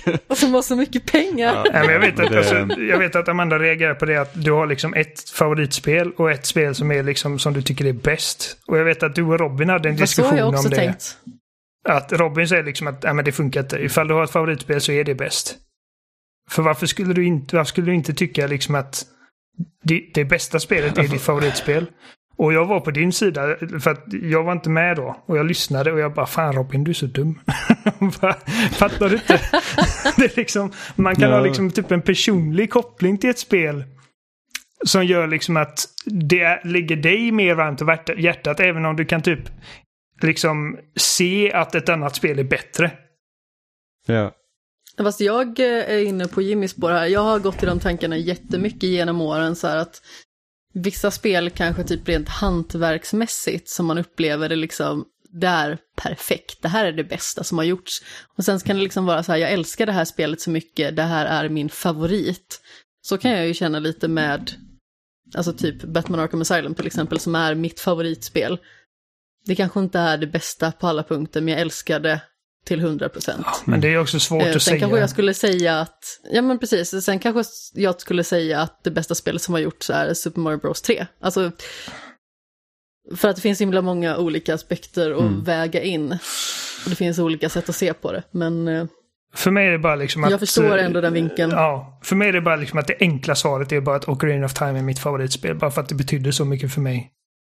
Att det liksom Mm. startade hela min liksom typ spelresa för alla dessa år sedan. Jag hade spelat Ja, andra men grejer. samma med Batman för mig. Ja, precis. Och de, de spelen liksom fastnar med en på ett annat sätt. Eh, de liksom formade ens liksom tankar och ens utgångspunkt för hela mediet. Och, eh, men jag hade ju spelat spel innan dess och liksom, jag, jag tyckte ju spel var jätteroligt. Jag tyckte typ Duck Hunt var ascoolt men det, liksom, det var inte samma sak som när man spelade Ocarina of Time.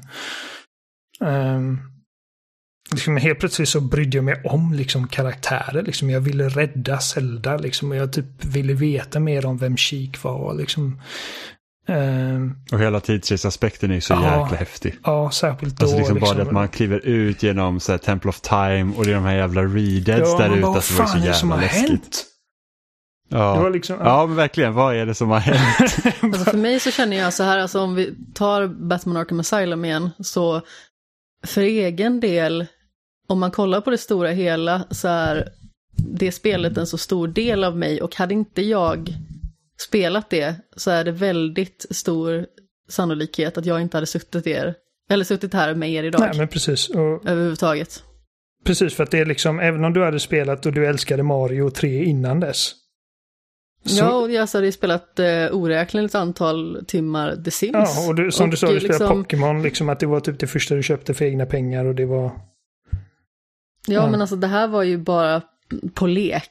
Precis. Det är liksom sånt som barn spelar. Alltså på det sättet såg ju man det då. Det var ju det här spelet som Det kickade igång. tog mig in till en hel ny, helt ny värld. Ja. Nu kan jag inte prata för att jag är så hungrig. Men, ska väl men tack. Kristoffer för eh, den intressanta frågan så vi fick igång en eh, jäkligt lång diskussion. Ja, Eh, och, vill, och vill ni göra som Kristoffer så kan ni också skriva till oss antingen via våra sociala mediekanaler som Instagram, Facebook, eh, Twitter eller varför inte på loading.se men ni kan också mejla till oss på kontakt spesnat.com eller byta ut kontakt till något av våra förnamn spesnat.com så ser vi det också. be bara inte mig att sätta ihop en topp 100 för att det kommer inte hända. Be Oliver att sätta ihop en topp 100. Be Oliver att ranka alla sina spel han någonsin har spelat. Det är omöjligt. Ja men nu har du en utmaning. Alltså vill man höra mer av oss tre också så har ju Skämshögen avsnittet släppts i måndags den här veckan. Just och då det. sitter vi och gaggar mest om eh, serier och film. Så då får man gärna ta en liten lyssning på det om man är sugen på att höra oss eh, pladdra på ännu mer. Ja, för att vi, vi, Typ vi älskar spel, 45 men vi, minuter. vi älskar också film och serier. Så att det, vi har mycket att säga om det också. Vi är nördar. Mm. Men vill ni höra mer av oss så kan ni alltid gå och lyssna på Skämshögen eller surfa in på spesnat.com. Där hittar ni resten av vårt eh, podcastbibliotek eller er favoritpodcast-app där vi också förmodligen finns. Eh, så får vi, så ni får ha det så bra. Och så, vi får ha det så vi får bra. ha det så Ah! bra. Nu ska vi gå och äta lunch. Eh, och så hörs vi igen om en vecka. Och glöm inte, spelutvecklare, ge cred till era spelöversättare. Hej då. Hej då. Puss i ljumsken.